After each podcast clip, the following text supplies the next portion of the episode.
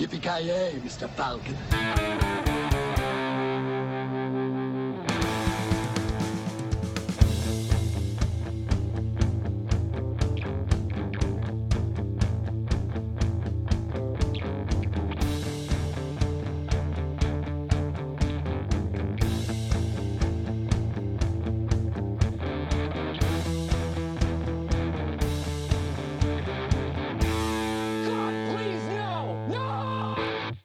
Hjärtligt välkommen till Creative Meltdown Podcast avsnitt nummer 51, gott folk. Och då har ni med mig Kalle.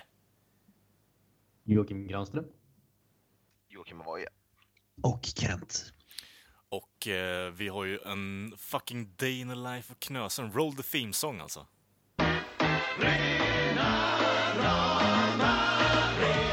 Knösen! Och det var Day in the Life av eh, Knusen.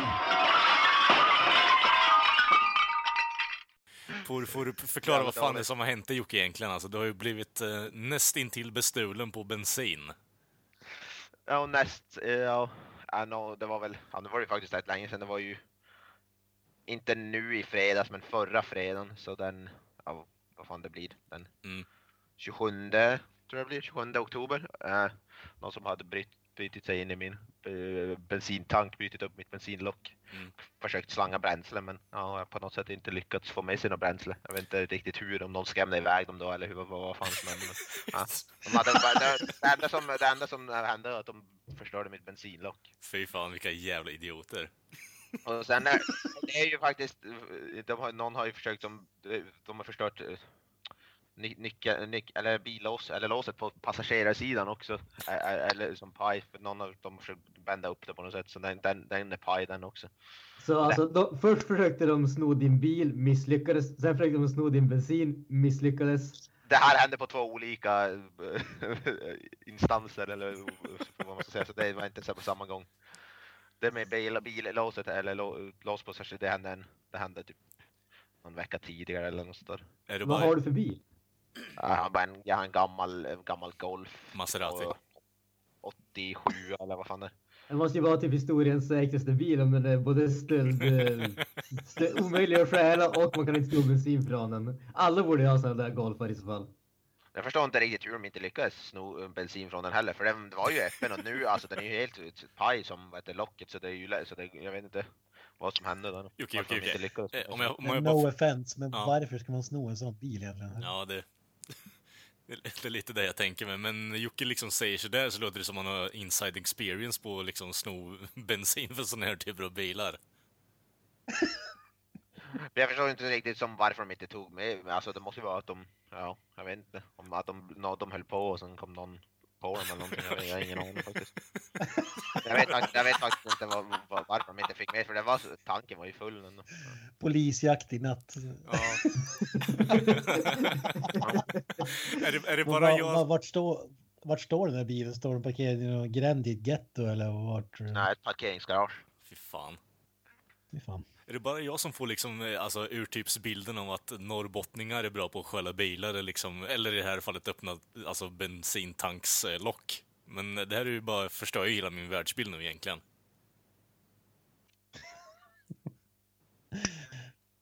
Ja, jag vet inte. Vad, vad var första reaktionen när, när du öppnade? Kom, du, var det på morgonen du upptäckte eller, när, eller hur? På natten innan jag skulle få på jobbet. Ja, Jag, jag märkte bara först för att det låg som delar på backen av bensinlocket. Och som strött på, på, på bilen, eller på golvet bredvid. Sen låg det någon sån här typ svart typ av vagn också eller någonting så jag misstänker att de har försökt slanga bränsle. Då sträckte du direkt efter din Smith Wesson eller? Ja, Eh, ja. Som, vi är väl i princip som den där filmen vi såg, uh, Wheelman, blev det väl ungefär. Fy fan. Också Börja ringa runt till grannar och sådär. Ja. Who the fuck, who the fuck? Du, du måste ha gjort någon slags detektivarbete. Vi minns ju alla där postboxarna som du Som brann inne. liksom torterade, torterade hela arbetsteamet liksom för att få reda på vem som var skyldig. Det, det, det här kan ju inte vara något Och ändå undantag. vet Det här var ändå- personligt. Mm. och ändå vet jag inte vem som är för, för skyldig till postboxarna. Det det Ja, men det måste ju uppenbarligen ha kommit någon väldigt nära på spåren eftersom Jo, de gett sig på det igen. Den här gången är det personligt. De försöker verkligen klämma åt snaran runt halsen på det. De försöker Ja. pusha det över gränsen. Världens mest in, spännande film skulle det här bli. Det här, är, det här är ju att få bensinlocket uppbrutet i Norrland. Det är som att få ett hästhuvud i sängen. Jo, Liksom, jag menar det. Det är, det är bara en lokalisering här, så det är, jag köper det faktiskt. Vem, vem ska sälja det här manuset till? Francis Ford Coppola, jag vet inte, han skulle köpa det med hull och hår tror jag. Scorsese ska göra film. Ja, kör på det. Ja, men Nej, jag, såg, men jag, såg, jag såg på Facebook, din farsa började rycka i lite trådar. Eller hur, har ni, hur, hur gick resonemanget efteråt där? Ja, det enda han ville, han blev så ja, jag måste gå och kolla till min bil. det var typ det enda han sa. Och sen Okej, har jag polisanmält också. OFC. Of Hur, hur, jag har aldrig gjort en polisanmälan. Vad, vad, får man göra? Nej, de är bara för, som, eh, vad heter det, bara förklara vad som, vad, vad jag tror har hänt i alla fall och vad, sån, vad det är för typ av bil och, och sådana grejer. Det är som, de vill bara har lite mer generell information men det, de kan väl inte göra så mycket egentligen. Så det är rätt onödigt egentligen men. men ska Ja, men, men, du, du, måste, du måste in på polisstationen, liksom skriva på några papper eller grejer. Eller vad? Nej, jag ringde ju bara. Man kan göra det Nej, online då- också tror jag. Ja, man behöver inte, jag behöver inte gå in, komma in till, jag gjorde det bara över telefon. Annars så ser det, Ja, ser ut som en snitch liksom. Jag ser, jag ser hur du kommer in flämten och bara Jag måste ha tagit en polis nu. Eh, Det är faktiskt inte så. där. Man, man, man, man ringer ju inte ens, eh, man ringer ju inte ens 112. Det är ju, nu räknas det tyvärr inte som ett nödläge. Även om det är Ja, fy Det var fan. kul. Läge. 10-4, 10-4, över till eh, parkeringsgaraget. Ja, jag menar det. den, den där jävla slangaren igen, han är på hugget igen alltså. Det är samma jävel. Det är tydligen många som har inbrott, i- haft inbrott i det där garaget också. Fy fan. Det, är det är jävligt vanligt. En serieslangare alltså. Vilken jävla titel. Det är så jävla, så jävla mycket ungdomar som hänger, hänger där runt, sådana där mopedister som ska, ska väl ha bränslet till sina jävla Snåla jävlar vet du. pusha där. Man, alltså, du, du, du måste ju ta hand om de jävla 15-åriga ligisterna. Liksom, fan, Jag tänker med ta det ett basebollträ och så slår Ja. du in av dem i skallen. Då kommer det inte att hända någonting mer. Då har du löst problemet liksom. Ingen mer slangning. Det är som att gå in i en bar och slå ner den största först. Jo. Du går tar den största moppekillen. Den stor, största 14-åringen han kan hitta liksom. Så får han i, i respekt för andra resterande gänget. Jag tror nog jag köper det faktiskt. Men, nej, men dra en Ja. Charles Bronson där i parkeringshuset så går det nog bra sen i slutändan. De skulle haft kamera uppsatta, men de har ju tyvärr. jag vet, inte riktigt det är som har... Det känns, det känns som att listan med misstänkta avgränsar sig till grannar eller då som du säger moppepojkar. På... Men det är, det är jävligt, men det är ju fan skolor. Det är ju typ... Ja, jag vet inte om det är två, tre skolor som är ganska nära avstånd så det är ju, finns det rätt många alternativ tyvärr. Sno bränsle på håltimmen lite. Det är högpunkttiden Ja. på skolan där. Det är ju typ så. Fy fan.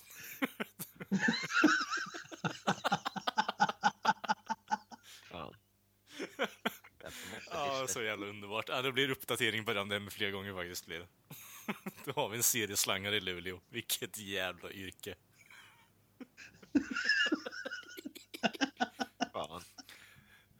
Jag får väl... det får- Ska ha bensin till min moppe. Jag har beställt, jag har beställt nytt, ett nytt bensinlock i alla fall. Nej, jag, jag tror, jag tror, jag tror att så här, de, de var på väg att bryta sig in och så vidare. Men då insåg de bara, det är Mr. Vojas bil, det är Mr. Vojas bil, go! Avbryt, avbryt. Eh, det är ju, det är ju det är som sagt att filmen vi ska prata om Taxi Driver, det är ju som lite grann baserat på mitt jobb och mig. Jag tänkte Oj. det, byt, byt ut taxin mot högerstyrd postbil så har du ju Ja. knösen the movie Ja. alltså. Alltså, är måste... slutsce- en av de där slutscenerna, jag vill inte spoila det, men det är ju alltså vad som händer när, när jag får reda på vem det är.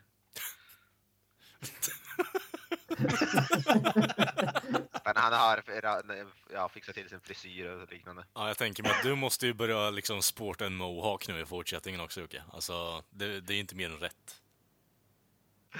Jag, jag ville bara säga det, nu kör vi din postbil runt där, runt garaget liksom och bara som, som han gjorde i Taxi Driver, bara stirrar in på folk som alltså, bevakar placet liksom. Roliga är att jag nyss klippt mig också så det passar ju som min. Jag har nyss fått en haircut. mohawk. En mohawk. Ja, Nej, inte en mohawk. alltså, nej. Jag känner på mig att det är frisyr som skrämmer iväg folk i alla fall. oh ja. Men avslutningsvis, hur, hur skakande var det här liksom för dig? Kan, kan du parkera som... Är skakande för de som har gjort det. Kommer det ju bli. Vi går fakti faktiskt vidare. Till en eh, Gissa filmen som Granström har lagt upp för den här veckan också. Mina medpodcastare kommer att gissa från vilken film replikerna som jag läser upp kommer ifrån. Vi har gjort det här ett antal gånger tidigare och alla vet hur det går till. Replik nummer ett. You can look into my soul, but you don't own it. Jag tänkte om Kent sätter den på första idag igen så blir det ju alltså kalabalik. Eh, American Wedding. Nej. nope.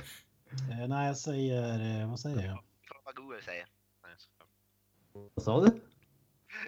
Vi ska kolla vad Google säger.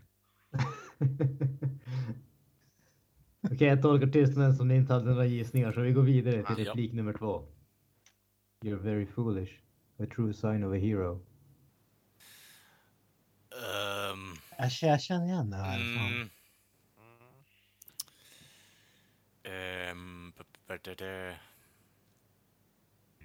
gissning. Nja, Soul.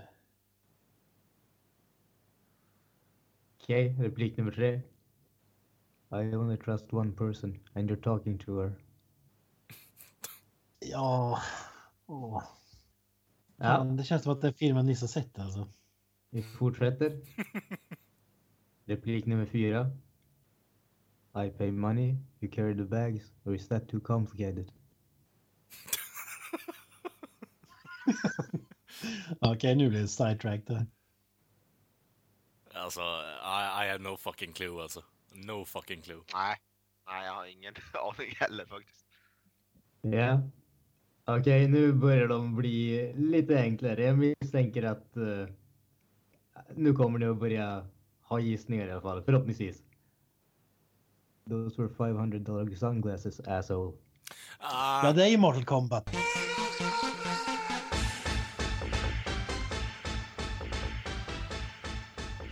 Det är Mortal Yes. Kombat. Fan, alltså jag hade det på första tänkte jag gissa på det, men jag tänkte fan kan inte vara. Och, och Johnny Ah. fucking Cage. Yes. Kents favoritfilm of all time.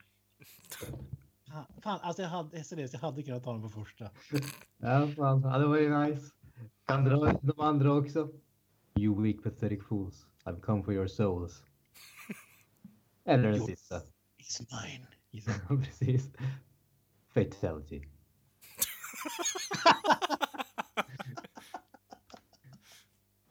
Get Nej, over fan. here hade jag, hade jag, då hade jag kunnat ta den. Ja, precis.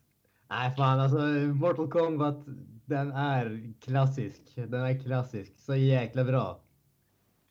Ja, äh, Mortal Kombat, magisk film, magiska citat. Det finns, alltså, du hade ju kunnat uh, rabbla Alltså, det, det 2000 där är ju en... Ja, alltså precis. Det är ju en film där det finns så många citat som är så karaktäristiska och tydliga så att liksom man sätter dem på... Sätter dem med en gång. Vad har hänt i veckan? Kalle, go. Eh, Jag har då, som jag sa förra veckan, kollat på Miss Meadows, en film med eh, Katie Holmes. Och eh, ja, den, den var faktiskt lite speciell. Handlar ju då om en, ja men, substitute teacher på förskola. Eh, som har ett dark, pa dark pass, eh, dark, förlåt mig, ett eh, mörkt förflutet heter det på svenska istället så att vi gör det enkelt för oss. Eh, och det hon gör då är att hon steppar sig igenom filmen, alltså steppdansar sig igenom filmen och eh, skjuter kriminella. Eh, ja, alltså... Jag tycker ändå att det är en helt okej film alltså. Katie Holmes gör faktiskt en bra prestation i den här filmen trots att konceptet är så fruktansvärt B som vi pratade om förra veckan. Eh, det kanske inte är så här måste se, men eh, det man får med den här jävla filmen är att man får ju se en öppningsscen där hon går och läser poesi i en blommig klänning och steppar på en alltså, promenadgata eh, i typ suburban jävla område med hus och ja, träd och allt möjligt skit. Och så rullar det in en jävla kille med pickup truck och ja, i stort sett bara gör advances mot henne. och ja, i slutändan riktar pistol och ska våldta henne i stort sett. Eh, och hon drar fram sin jävla Derringer och skjuter honom i halsen och det sprutar blod överallt. Eh, det är konceptet för hela filmen i stort sett. Nu vart jag fan intresserad av att se den där filmen. ja. Nej, faktiskt. Eh, jag ska säga positivt överraskad. Det är ingen bra film, men jag är förvånad över hur bra Katie Holmes alltså, presterar i den här filmen, för konceptet är så fruktansvärt jävla B. Däremot tycker jag att de lägger upp premissen jävligt bra, att det är typ eh, det lokala fängelset har släppt ut så här 2000 eh, alltså, fäng alltså, brottslingar bara för att det inte finns plats i fängelset. Så det är ju brott överallt och alla går omkring och är paranoida och liknande. Så blir hon i stort sett någon form av vigilante eh, under dagen eh, och ja, tar saken i egna händer. Eh, ja, men eh, jag tycker ändå att det är en... Eh, Eh, tycker man om så här byschlock-skit eh, så är det en film som man kan ta och se, för man får i allt det här ja, ultravåldet så får man även se en, den stelaste jävla sexscenen jag någonsin sett i hela mitt liv. Jag tror aldrig jag skrattat så mycket åt en sexscen i, i hela mitt liv. Eh, och då räknar jag in alltså Team, alltså team America, liksom, sexscenen i den. Eh, Nej, men alltså det, ja, det är nog fan en på rekommendationslistan där, att man måste se om man tycker om sådana här skitfilmer som jag, som jag diskuterade om det förra veckan faktiskt. Eh, jag ska inte säga allt för mycket om den, för jag hade lite annat att ta upp, men eh, ja, men det, den får fan en eh, betygsmässigt så får den nog fan en 6,8, alltså det är en stark sexa där, känner jag. Den är fan ändå sevärd ändå. Och det finns någon form av underhållning i det. Däremot så är filmningen lite halvt som halvt. Det är ingen direkt film, utan det känns ju mer som att det är någon jag vet inte, den har inte filmkvalitet alltså som man går på se på bio, utan det, det, ser ju väldigt handfilmat ut, även om vissa vinklar ser, alltså, är jävligt bra. Eh, så det, ja, det, det, är inte riktigt så här filmkvalitet på på filmningen, men helt okej okay film faktiskt. Eh, sen, nice. ja, faktiskt, faktiskt. Så om du har, jag kan mejla den till Skellefteå till om du vill, kan jag göra. eh, ska vi se här. Men eh, sen så hade jag ju även sett på en dokumentär om James Brown också. Eh, Mr Dynamite, The Tale of James Brown. Eh, och eh, ja, man får ju inte se så här jättecharmiga bakom kulisserna och saker som man redan visste att han slår, ja, slår kvinnor och bara rent allmänt ett asshole i stort sett och han eh, kappvändar det bara för att få sina egna means eh, uppfyllda i stort sett. Men eh, att eh, det var ju lite mer grejer om James Brown som jag tänkte där på också i så fall. Eh, att många av hans gamla bandmedlemmar har ju alltså dels dragit pistol på honom för att han inte har velat ge ut pengar till dem. Eh, och det tyckte jag att var what the fuck is, okej, okay, det är jävligt bra, jävla bra på att dansa och sjunga. Men att han håller på att vara så jävla douche bakom det, det hade jag ingen koll på. Jag visste att han såg kvinnor och sånt, men alltså att eh, han inte betalar... han är inte douche då? Jo, jo, det är klart han är douche, men det är ju alltså über mega douche när du inte håller på sådär och inte betalar de som jobbar för dig. Eh, det är en helt annan grej i min mening, att du inte gör rätt för det. Å andra sidan så gör du inte rätt för om du slår kvinnor heller, så det är inte... Det blir lite så här... tårta på tårta där. Han är, han är minst lika dum i huvudet när man håller på sådär, säger vi. Eh, för det är han. Eh, men en annan grej som jag tänkte på under den där dokumentären var ju att eh, eh han hade ju ingen koll på vad han gjorde, rent musikaliskt alltså. Ingen koll alls överhuvudtaget. Alla bandmedlemmar som han hade där, det var de som gjorde grejen. Han är ju bara ansiktet utåt, vilket jag tyckte var jävligt intressant. Eh, för att han är ju mer eller mindre någon form av alltså bandledare. Men han har ju ingenting musiskt, alltså, alltså musikaliskt sätt att bidra till bordet. För eh, de drar upp ett exempel som jag tyckte var jävligt intressant gällande att eh, de har en trummis där och han drar något beat liksom och bara, men fan, vad, hur, tänk inte, gör inte sådär va? Ja, vad menar du, vad ska jag göra då? Ja men gör så här istället bara, och så kommer han på med någon jävla halabaloola skit och så gör trummisen samma sak igen och så bara, sådär, det var exakt det jag menade att du skulle göra och trummisen bara skakar på huvudet och fortsätter trumma i stort sett. Det, det tyckte jag var lite intressant, att han har ingen koll på vad fan han gjorde. Men eh, ja, han är bra på att presentera saker och ting, så det är ju det som har sålt genom tiderna. där. Eh, jävla bra entertainer. Ja, när, när du säger James Brown, typ det enda jag kommer att tänka på det är den här eh, superkända intervjun när han liksom var full eller hög eller någonting. Och det är, jag tror att det är om domestic abuse, misshandel och sitter han bara, alla frågor som han är med på så här satellitlänk och så alla frågor som intervjuperson har, då säger bara Living in America. ja, har du sett den? eller? Nej, det har jag Eh, Ja, det, den är ju den är ju helt bisarr. Alltså, han sitter i några så här sjukaste gula glasögon. Ser ut som liksom svetsglasögon eller någonting. Ja. Alltså, han är så borta så allt han gör bara sjunger sina hits liksom så här, Mm. som svar. Mm, Ja, det, den är värd att kolla in till. mm. Nej, men alltså, jag tänkte mer bara det var lite så här eh, extra grejer som kom upp som jag inte hade koll på med James Brown som jag tyckte var intressant. Ja. Äh, ska vi gå vidare? Japp. Avoya, vad har du gjort? eh, jag, har fan inte, jag har inte sett någon film förutom Taxi Drivers har jag inte sett. Ah, t- fan, jag försöker komma, jag sitta här och komma ihåg vad jag har sett, men det, är, det enda jag har sett är som fortsatt med senaste säsongen av eh, American Horror Story. Uh, som heter Kult. Den är faktiskt, den är, den är faktiskt, den är riktigt bra. Uh, det är det som är så intressant med American Horror Story, det är som en ant- antologiserie, så det är som handlar ju om olika saker var, varje säsong. Och den här, den här säsongen handlar om presidentvalet i USA. Uh, och det handlar om nå, så här, Trump- Trump-supporter som startar typ en, som startar som typ en kult i princip. Som det blir, de är som, som Charles, typ som modern Charles Manson-kult i princip. Andra säsongen. Och det är, eh, det är riktigt bra faktiskt. Jag gillar, gillar den jag älskar ju American Horror Story. Och jag tyckte att alla säsonger är bra i, i princip. Alla förutom, ja, ja alla säsonger är bra. Det finns någon som är lite svagare men den är, är riktigt bra faktiskt. Och den här säsongen speciellt är, är, är, är fruktansvärt bra. Mycket, mycket twists och sådana grejer. Är det lik den här Kevin Bacon-serien The Following tror jag att den heter? Mm. Ja, jag har, sett, jag har inte sett alla avsnitt av den, den, men den gick, den, den gick ju fan ut för den var ju typ bra. Bra i typ eh, några avsnitt. Ett sen avsnitt. lite- Första avsnittet, ja, det var ju sjukt bra men. Mm. Det är väl, det är väl, ja, det är väl kanske lite liknande men det här är, det, det här är lite mer som po- politiskt, om man ska säga. De, de, de, här är, det här är, den här ledaren för den här gruppen är ju, vill ju, som, han är ju, han är ju, blir, han blir ju, blir så här politisk, han är ju en politiker och använder ju den här kulten för att kunna, som blir vald till något sånt där, vad heter det, City Council eller vad fan det heter, jag vet inte vad det heter på svenska. Något stat, något sta- statsråd eller vad fan Statsledamot typ. Ja, typ. Och då använder han den här kulten för att sprida skräck och sen kommer han då in, sveper han in då och försöker, göra alla lugna och säga, typ, säga att han kan skydda dem eller vad, något sånt där. Och då använder han då den här kulten för att typ mörda folk Fy fan. på sidan. Men äh, jä- jävligt bra Ja, det låter ju sådär. Men... Det låter lite Ja, jävligt, bra- jävligt bra faktiskt. Och det är han, ledaren är, för kulten, det är den här Evan Peters, han är med i X-Men-filmen och bland annat spelar i den här Quicksilver tror jag han heter. Den här snabb, snabba igen. Eh, och eh, ja, han är en riktigt bra faktiskt. Som, som jag sagt, en som en modern, som en här Charles Manson i princip.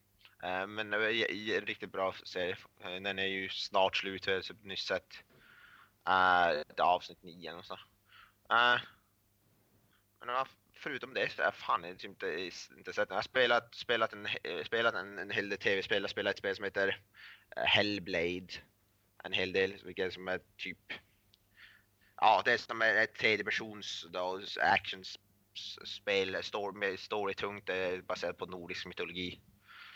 Eh, faktiskt också väldigt bra, jag har inte klarat ut den men det kan jag rekommendera. Jag vill inte eh, prata allt för mycket om tv-spel för det brukar inte vara så populärt. Men det kan jag i alla fall rekommendera. Det är lite, det är lite mer djupare än bara det här typiska, att du ska gå dit, dö, dö de här och sen gå vidare. Det är lite mer, har lite mer djup i det, med story och liknande. tacklar en hel del eh, intressanta ämnen om bland annat eh, mental, mental, mental sjukdom och sånt där. Tacklar mycket sådana ämnen, vilket jag tycker är intressant. Så den kan jag rekommendera. Uh, men eh, uh, förutom det så har det varit, varit rätt, rätt dött på me mediefronten. Det har inte hänt så mycket. Jag har ju varit inne på ett litet uh, musikspår under senaste avsnitten och tänkte fortsätta eh, ett litet tag till i det spåret i alla fall. Tänkte prata om artisten eller bandet Utmarken och eh, deras skiva Förfallstid. Vi hade eh, ett jobbevent här om veckan och eh, han spelade live då inne, på, inne i vår butik. Vilket var eh, lite, lite coolt. Det är... ja, det, det händer ju inte så jätteofta, men det, det var väldigt kul och jag blev grymt såld på, på musiken. Det är alltså en snubbe som när han gör skivan så han skriver allting, spelar in allting och liksom, spelar alla instrumenten själv. Men sen när de spelar live så då har han ju ett, ett helt band. Men just när han var och spelade för oss, då var det bara han. Eh, och eh, de, det är ett, vad ska man säga, folkmetal blandar klassisk hårdrock med eh, folkmusik. Och så är det liksom här, väldigt trallvänligt, så här, härliga melodier. Så är det såklart det är så här Norrlands eh, patriotiskt om man kan kalla det så. Så att eh, ja, jag blir faktiskt eh, riktigt, riktigt eh, såld på, eh, på den musiken och den skivan för Fallstid.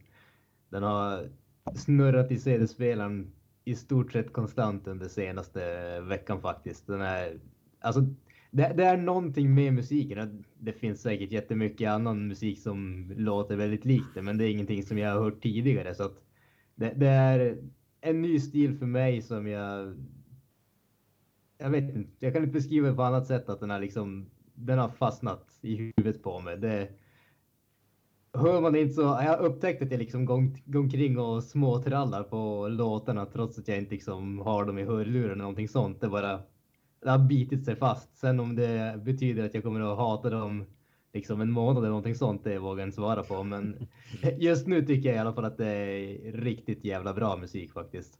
Men eh, hur skulle du beskriva musiken, alltså genremässigt? Ja, som sagt, alltså det är hårdrock blandad med folkmusik. Mm, mm. Så att det, det, alltså det, det är inte en så här screamo på något sätt, utan det är ju vä- väldigt eh, klassisk stil, klassisk hårdrock så att säga. Mm. Som eh, blandas med lite nyckelharpa och sådana grejer. Okej. Och, jag vet inte, de får ihop det på ett jävligt bra sätt. Är alla typ, så typ, typ Nordman? Ro- ro- ro- Rockversion. ja, alltså faktiskt. eh, Nordman fast eh, mer metal inblandat och betydligt bättre sång. Och mindre kokain Nej. också. Bättre än Nordman. Är det, möj- är det möjligt eller? Ja, jag tänker samma sak. Det är ju... Återigen för att dra, ett, eh, E- dra samma E-Type. skämt igen. Det är Nordman utan kokainet i stort sett alltså. Det låter ju, det låter ju för jävligt tråkigt. Ja. Det var kokainet som gjorde Nordman alltså. Ja, det är ju nog kokainet som gör, som gör alla. Är det inte så? Alltså, alltså det- ärligt talat, eh, kemisk inspiration om man kan kalla det så, det verkar ju vara en väldigt, väldigt stor grej inom eh, musikens värld måste man ju säga. Jo. Med all rätt. All rätt. Fan alltså, vi kanske borde pröva lite kokain. Tänk om liksom våran podcast lyfter Ja. efter det. Alltså, då, då vi liksom hittar nya vinklar, nya Ja. sätt att tänka på hela grejen. Alltså, och så lyfter det. Fan. fan. vi måste ta och börja pröva kokain här. Alltså, Alltså, ja, jag menar det. Det låter som att vi redan är det med Fan tanke på hur vi alltså, så sitter vi här alla här. Fan. Jag tror det räcker med att vi bjuder in Nordman. Ja.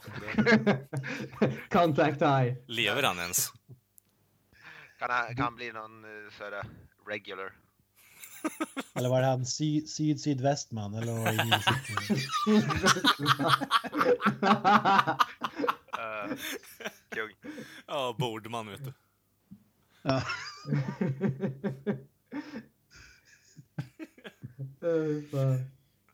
Eh, men jag hade även eh, sett slash lyssnat på en annan grej, nämligen Crossfaith live in Japan, ett Makuhari Messe.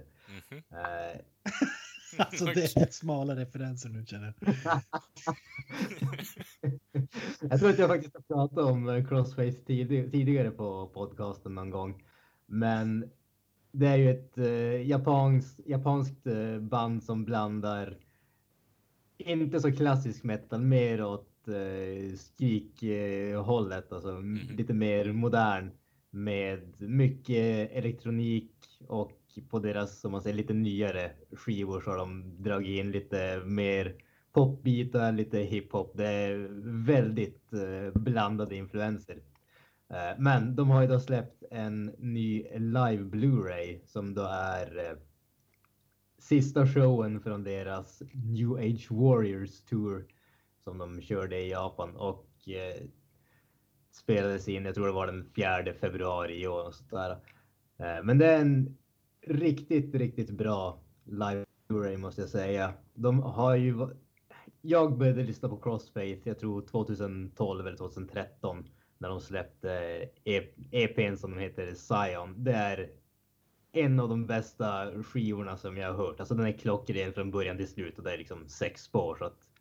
Men resten av deras output har varit ganska ojämn. Det är liksom vissa låtar som är skitbra och andra som är så här väldigt medelmåttiga.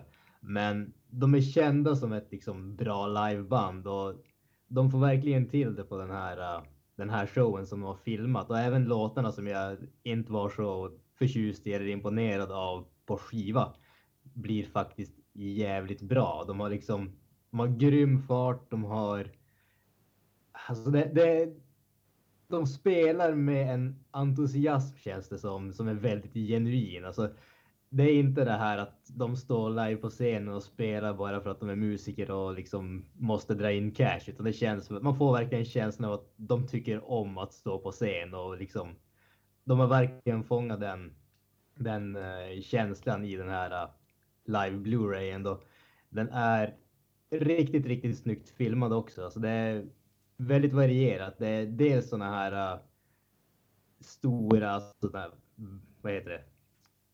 Typ kamerorna som du har på en räls och så liksom som du filmar med. Dels är det sådana som, vad sa du? Nej, jag, sa bara, ja just det, jag vet vad du menar. Ja, det, det, är sådana som har filmat och så har de liksom filmat med så handhållna kameror och de har filmat eh, liksom på scen och liksom in the crowd också. Så där, så att man får verkligen en eh, sån här typ helhetsblick om man säger så. Det är liksom ingenting som är missat där. Enda besvikelsen och det är en, på det stora hela skulle jag säga att det är en liten besvikelse, men ändå ljudet är bara stereo. Jag hade gärna, gärna haft eh, surround-ljud när det kommer till en sån här grej, men tyvärr så är det bara stereo. Ljudet är bra, det är inte någon fråga om liksom något fel på så sätt, men det hade varit kul om man liksom kunde få lite crowd chants i bakhögtalarna och ha musiken i där framme. Det hade varit liksom en, en häftig grej så att säga. Alltså det borde vara dödsstraff att släppa i stereo om man ska släppa musik, eh, Blu-ray, DVD. Alltså, Alltså, Idag. jag skulle väl kanske inte gå riktigt så långt. Men, eh, alltså, jag, jag håller med om att det är en stor miss. Men jag har faktiskt kollat lite grann på lite så här andra grejer. Eller andra Blu-rays och sånt. Det är faktiskt väldigt många som verkar släppa stereo tycker jag. Jag vet inte varför. Men det verkar vara någon grej just nu. Så att, ja, jag vet inte. Men i vilket fall som helst. Tycker man om eh, metal blandat med elektronisk musik så kan jag varmt rekommendera den. Eh, jag importerade den från Japan för att den då knappast gå att köpa någon annanstans. Till ett eh, faktiskt helt okej pris måste jag ändå säga. Jag fick den från Japan för typ 350 spänn inklusive frakt. Så det var inget. Ingenting att Vad sa du att klaga bandet hette? Crossfaith. Crossfade. Men det är vad jag har gjort eh, under den här senaste veckan. Kent, du får runda av det här. Yes. Ja, vi har snackat så mycket om som mainstream grejer så jag tänkte smala av det lite. Jag har ju sett klart eh, Stranger Things 2. Nice. Ingen No som har hört spo- talas om i- den i- i- serien. eh, Ingen spoiler, spoiler men jag jag har inte börjat se den än. Eh, jag ska spoila skiten ur den nu då. Eh, La la la la la la la. kör där. säg bara hur det slutar. Ja, säg bara hur det slutar, Eh, exakt. Inga spoilers, det är då säsong två som har kommit ut för några veckor sedan. Eh, behöver jag dra det igen, men för, första säsongen en pojke försvinner, det är en övernaturlig orsak och andra säsongen är ju fortsättningen på, på den här storyn då. Och säsong ett blev ju tokhyllad. Eh, jag tyckte inte att det var magiskt, men eh, helt okej. Och eh, säsong två är ju nu jag sett klart jävligt underwhelming alltså. Eh, och ja, i princip onödig enligt min mening. Det finns något bra. Två, tre avsnitt. Jag tror att det är nio avsnitt totalt.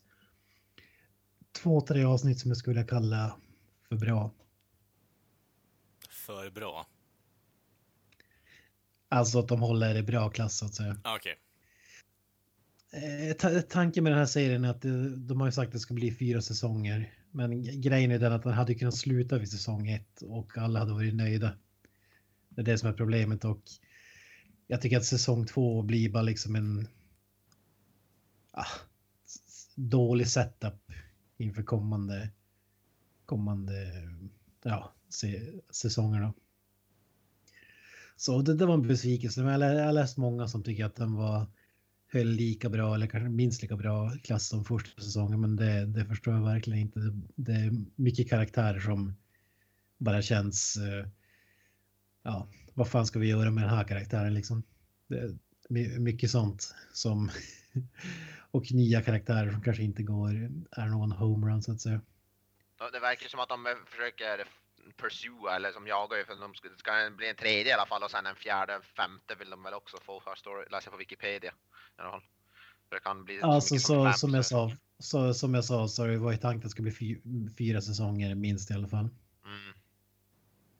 Och det är ju ett, ett avsnitt som känns som upplagt för att man ska kunna göra en spin-off eh, eh, spin-off serie också. Men får se, om- eller om det bara är en setup inför, inför kommande. Men var ju tydligen många som med mig som tyckte att det avsnittet var, var värdelöst. Behöver inte spoila något eller berätta vad det var, men jag tror alla som har sett serien vet vilket jag pratar om. Så behöver inte säga så mycket mer om det. Sen har jag även kollat på Passengers från 2016. Ah. Ja, Eh, just science fiction, drama, thriller. Den har jag sett för jag såg den på, på flyget på vägen hem från USA faktiskt. Så jag har sett den också. Visst är den med Chris Pratt och Jennifer Lawrence? Jajamän, jajamän. Ja. Eh, handlar ju om eh, ett eh, skepp som är på väg till eh, att kolonisera en ny planet. Jorden är ju som vanligt fucked och jag vet inte hur många, om det var liksom 10 000 personer eller liknande som åker iväg på en resa som ska, som ska ta 90 år. Eh, och, men Chris Pratt, eh, det blir något fel på hans, eh, de sov i ett sånt här cryo ja, som ligger nedsövda i, vad, fan, vad kallar man det? Tuber, eller vad ska man kalla det? Ja. Ja, men det är kryos, kryosömn kallas det väl bara heller. Ja, precis. Men typ, det är ju alla Alien, alla filmer. ja nedfrysta. Ja. Jag kommer inte på vad det kallas nu, men Mhm. det blir malfunction. Han vaknar upp. Han tror att eh, de ska vakna upp om det är ett halvår eller ett år innan de är framme. Men det visar sig att eh, det är liksom 80 år kvar. Eh, vilket betyder att när de är framme så är, jag, är han ju long gone, död alltså. Eh, och det är bara han som vaknar upp, ingen annan. Så han är ensam då på det här gigantiska skeppet. Eh, och ja, jag vet inte om det är en spoiler eller inte, men han väljer i början av filmen här så det är väl ingen spoiler egentligen, men han överväger att ta sitt liv eftersom att han tänker ja, men det är ingen idé. Alla andra kommer liksom. jag kommer vara död när alla andra vaknar upp så det är liksom ingen idé för mig att spatsera runt här liksom. Han har, han har bara en robotbartender som som sällskap. Ja, just det, han är ju också spelad av den här, äh, han är med i un, un, någon Underworld-film bland annat. Kommer jag inte ihåg vad skådisen heter, spelar bartender. Michael. Sheen eller vad Michael Sheen, ja, han är kung. Jag tycker inte han var så kung i den här. Men hur, som helst så då, men han bestämmer sig för att väck, väcka en annan passagerare då, vilket i princip betyder att han mördar ju den personen också. men han väljer att väck, väcka upp Jennifer Lawrence för att ha ett sällskap och eh, han avslöjar inte att, att det är han som har gjort att hon vaknar upp för tidigt också utan ja, man kan ju gissa filmen vad som händer sen. Den är jävligt förutsägbar. Eh, man hade kunnat göra något intressant med den men jag tycker att den failar totalt. Eh, jag skulle in, absolut inte rekommendera den. Den, den har några bra scener och sådär men i, i otroligt förutsägbar. Det, det först i slutet börjar det bli lite intressant men ja, den fungerar inte för mig. Vad, vad tycker du om den Knösen? Jag tyckte det var mer intressant mot början. Jag tyckte det blev mindre intressant när hon kom in i bilden och blev mer av någon jävla kärlekshistoria. Typ. Jag tyckte då var den mindre intressant. Jag tyckte det var mer intressant när det är han som var själv och försökte, att det var lite mystik Mm. och sånt där. Och sen blev det en jävla Det håller jag kärlekshistoria. med, det håller jag med men det var ju liksom 15 minuter ungefär. nej, men jag vet inte hur lång tid. Och sen, Det var ju just i början. Vet, jag tyckte, jag tyckte nästan om början mer, den första, där när han var så själv den första halvan eller vad jag tyckte den, Och det var en som snygga miljöer och sånt där rent, rent produktionsmässigt var det så, men ja, den var rätt ointressant och slutet kändes väldigt kliché och väldigt som Mm. samma typ av slut som man ser i sådana alla filmer typ. Men det hade kunnat som sagt bli så, den var, den var, som, den var väldigt snygg gjord och höga produktionsvärden och sånt där och eh, ja, Chris Pratt var Chris Pratt var väl rätt, rätt hyfsad men som sagt jag tyckte inte, ja, jag vet inte, det var ju som någon jävla kärlekshistoria i rymden lite grann typ och de delarna speciellt var väldigt tråkiga.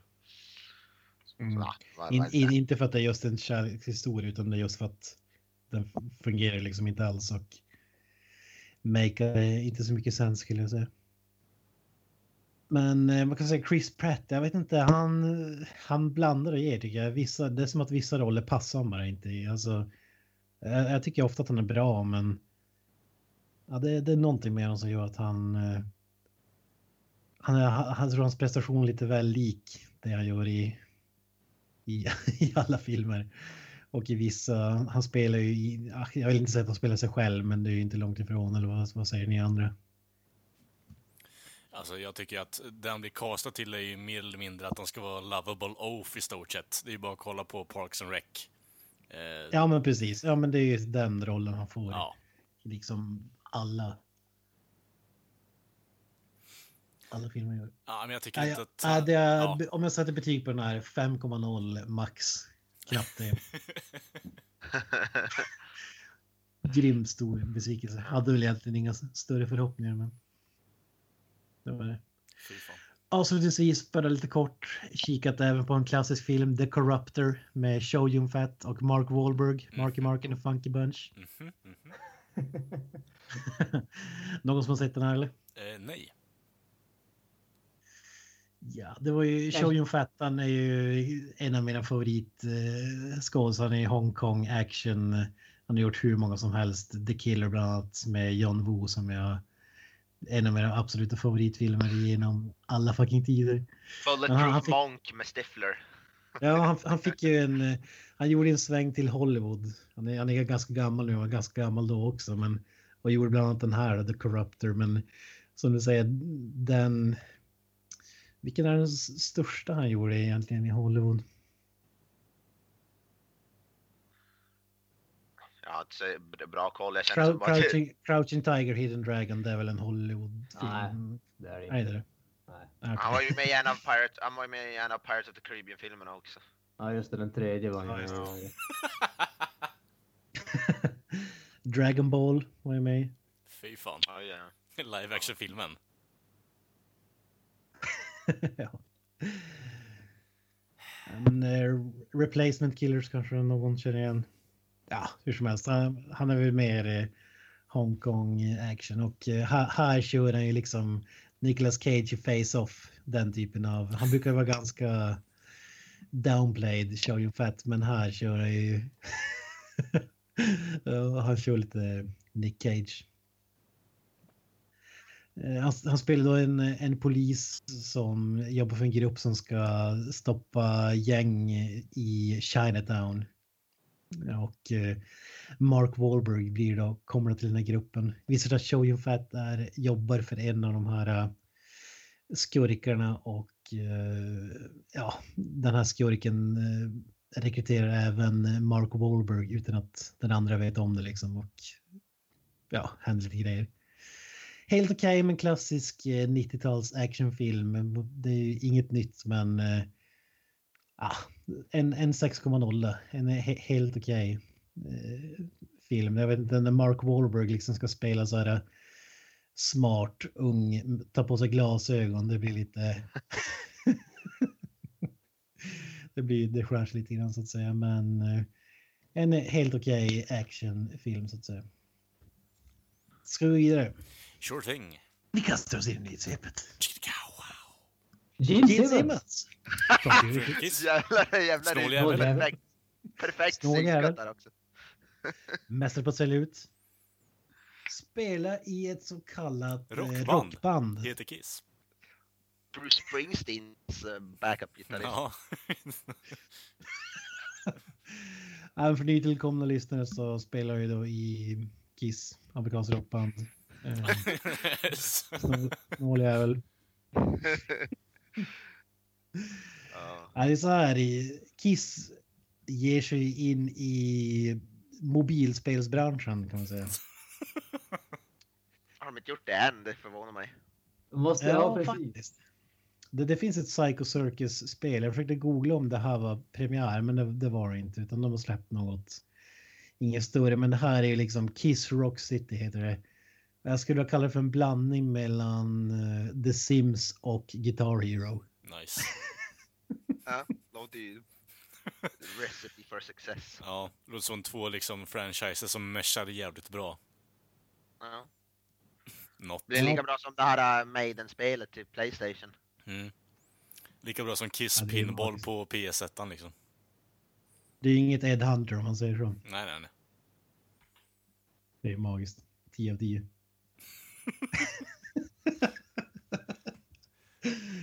ja, nej, men hur låter det på förhand? The Sims blandat med, och givetvis, vad kallas det här?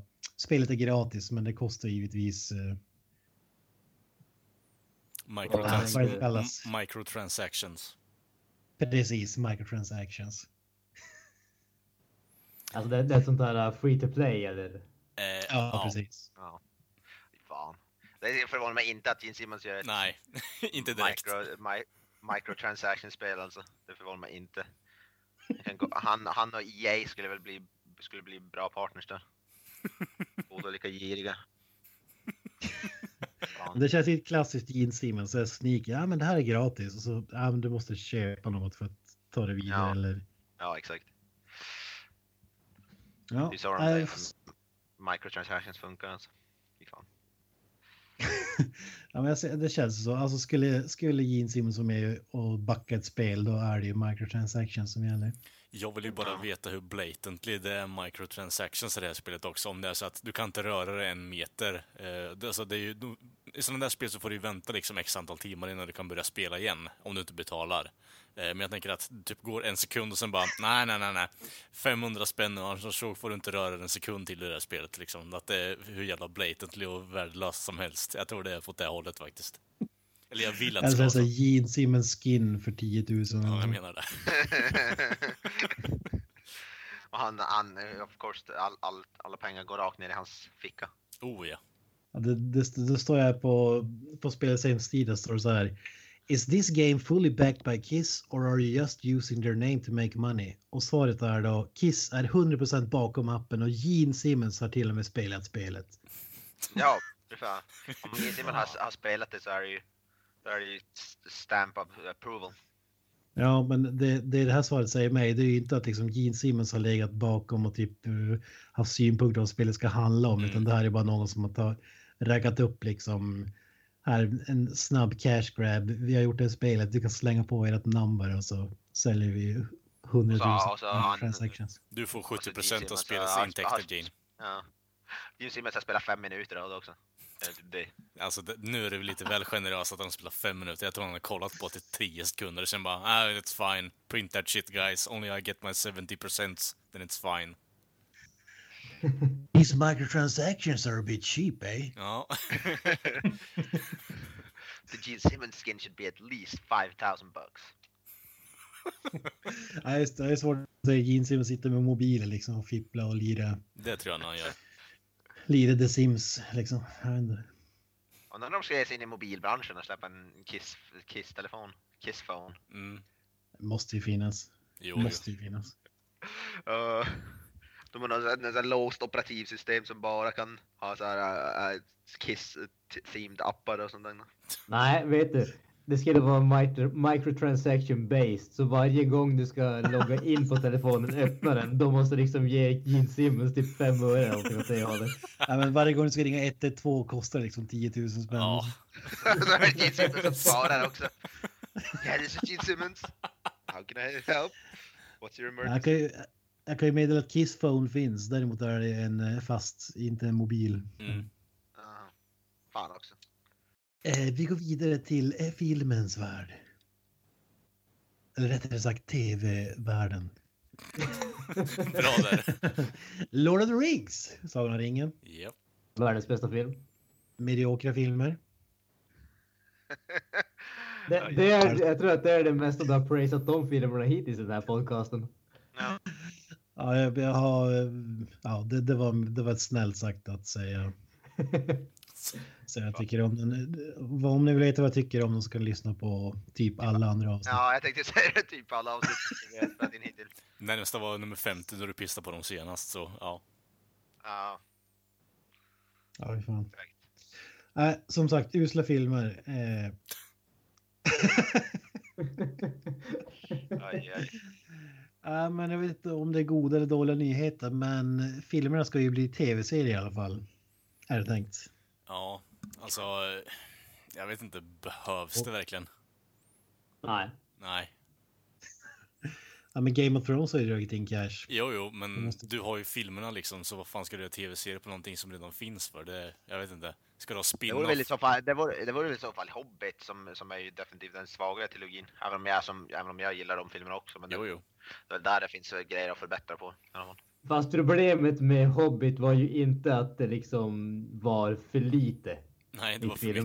Det var snarare tvärtom att det är för mycket. Att göra det till en tv-serie skulle nog inte göra saken bättre. Nej, det är väl sant. Ja, Ja, det var alltså, jag kan köpa det. Alltså, Sagan om ringen-trilogin, den är ju bara ett utstretchat halvtimmes tv-avsnitt egentligen om man ska vara let's, get, let's be real here.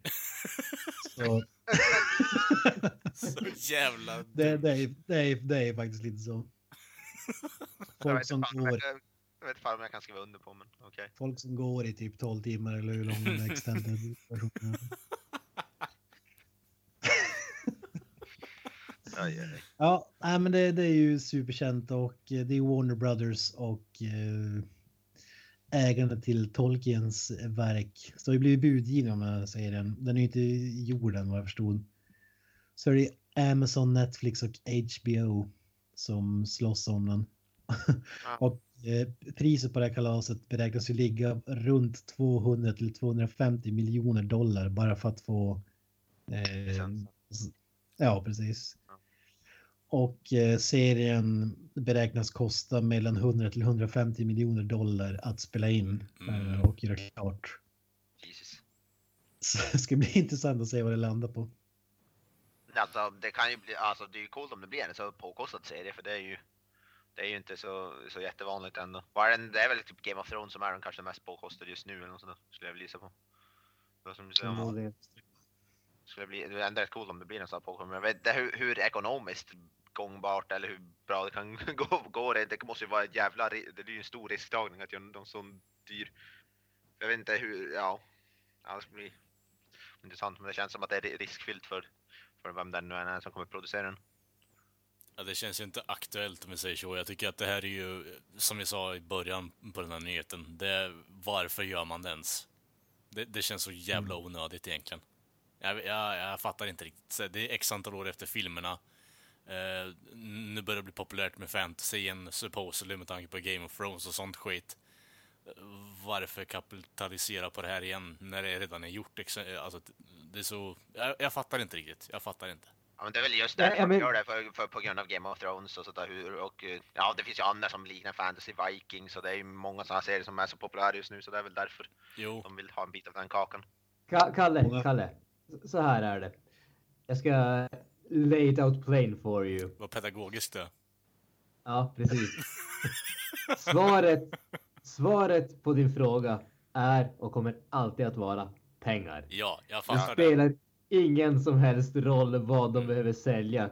Kan de tjäna pengar på det kommer Ja. de att sälja sin egen morsa och alla andras Jo, jo. morsor. Så är det bara. Jag är med på det. Jag är med på det. Jag fattar det, men jag förstår inte riktigt. Eh, det, jag vet inte om hypen känns avslagen på Sagan om ringen med tanke på att det finns så jävla mycket skit ute redan. Det är det jag tänker lite på. Det är avslutat kapitel både på Hobbit-sidan och Sagan om ringen-sidan. Så jag förstår inte vad det här ska generera i pengar. Jag tror de kommer gå med förlust med det ganska ordentligt. Även om det finns fruktansvärt många fans där ute som antagligen bara kommer kolla på det i alla fall. Eh, så tror jag det kommer bli en ganska stor flopp. Det är där jag reagerar på mer. Man, man undrar vad den ska handla om, men det borde ju vara som de gjorde med Fargo och eh, Ja. liknande. Att man liksom bara gör om filmer till tv-serier eller Mm. Eller klipper, Ja, eller klipper skulle man kunna göra nå- någonting annat? alltså det finns ju många, det finns ju mycket spin-offs och sånt där, de kanske gör någon helt ny eller något sånt där. Det finns ju också de här Silmarillion-filmerna, de kanske gör någonting med det, vem vet, eller böckerna menar Silmarillion. Så det finns ju mycket att, alltså, att välja mellan. Det är ju bara vad Du de menar kommer göra. 500 miljoner dollar på Frodos brorsas kusins mamma. Jag tänker man, Ja, det vet jag, men jag tror alltså, att de kommer göra någonting mer med Frodo eller, eller Bill, alltså Bilbo. Det känns, jag vet inte, alltså om de... Jag vet, inte- det vet jag inte om jag är så säker på att det kommer ske, ja, att de kommer göra det igen. skulle det vara intressant Ja, om man fick följa den andra sidan, alltså typ någon jävla ork eh, pluton i stort sett, eller något sånt. Det hade ju varit fränt. Ja, det hade men- fan varit coolt. Jag har faktiskt typ Sauron-sidan, typ, Ja. det hade faktiskt kunnat bli intressant. Men eh, jag tror inte de kommer Ja, göra det det. kan- Så. Warcraft-filmen har ju redan... Jo, och den floppar ju också, men kan ju försöka göra ett bättre den här gången då, jag vet inte. Ja. Ja, det ska bli intressant. Jag tycker att siffrorna säger något om att man pratar ju om att vi är i the golden age av tv-serier, liksom att det börjar bli liksom filmbudget. Det är ju positivt, men sen Mm. kan man kanske lägga de cashen på något annat än Lord of the Rings kan jag tycka. Men... Rob Zombie! Rob Zombie. Oh ja. Nu, nu pratar vi. White Zombie. ja, precis. För- Grymt bra band för övrigt, White Zombie. Bra skit. Hack Director. Alltså, jag, jag, lut, jag lutar faktiskt åt Kents håll där. Han har gjort en film som är jävligt bra, Mm. The Devil's Rejects, men i stort sett allting annat som han gjort har varit grader av dåligt eller värdelöst. Bra tecknare Jag gillar, jag gillar, jag gillar ju, jag är ju stort Rob Zombie-fan. Jag gillar ju eh, House of a Thousand Corpses tycker jag också är grym. Mm.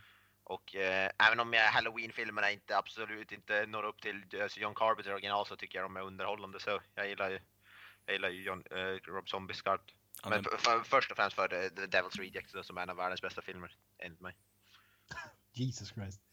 Ja, det är ju Devil's Rejects det handlar om. Det, han planerar en uppföljare. Eh, och du då som är superfan, alltså vi behöver inte spoila slutet på den första, men går det ens att göra en uppföljare på den här? Nu är det faktiskt, skulle det bli den tredje filmen. The House of a Thousand Corpses är den första, Devil's Rejects är den andra. Men ja, jag vet fan inte vad man skulle göra med tredje. Det är väl vad man skulle göra någon prequel som han har pratat om att göra, en prequel till den allra första filmen. Men jag vet inte fan vad man, en uppföljare skulle handla om. Det kan jag inte alls förstå. Jag är, jag är, jag är jag är intresserad av att se vad det skulle kunna handla om, men jag kan för mitt liv inte förstå vad han ska göra. Om, om det nu ska utspela sig efter Devil's Reject. Så, så vet jag vet jag fan alltså vad han kommer göra med det.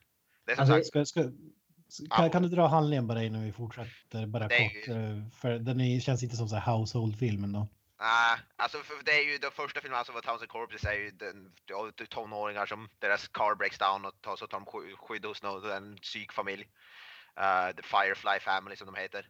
Och ja, det går åt helvete. Och andra filmen är ju då att de poliserna då, då hittar den här Firefly Family och de som sen går de på, då på, rymden, på rymmen och ja, det är väl typ i princip det de blir, de är jagade runt hela filmen. Det är väl typ det, den psyk, psyk Manson-familj i princip som, som blir jagad, jagad eh, runt ha- halva Amerika, jag på att säga. Men ja, det, det är väl i princip det, det handlingen är.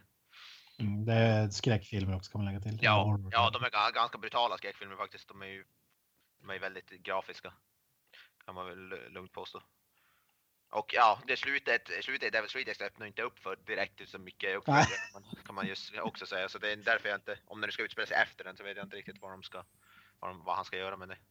Han har pratat om en prequel, alltså till första filmen. Han har pratat om det förut. Så det är väl det enda jag skulle kunna tänka mig, men om det nu ska vara en uppföljare så, så Det jag är det, i alla han säger ju se- sequel nu, alltså en sequel kan väl kanske vara en prequel också, men då Ja. borde man ju ha sagt pre prequel i så fall. En Ja. prequel förstår jag att det går att göra, men Ja, Ja, ja, en sequel, nej jag vet inte fan alltså. Det skulle, jag är sjukt intresserad av att se vad han ska göra med det men. Ja, jag är lost. Sid Haig, Captain Spaulding är väl höjdpunkten i, i Ja. den här filmen. Ja, och han är ju, han, är, han och vad heter det? eh, Bill Mosley. Polisen.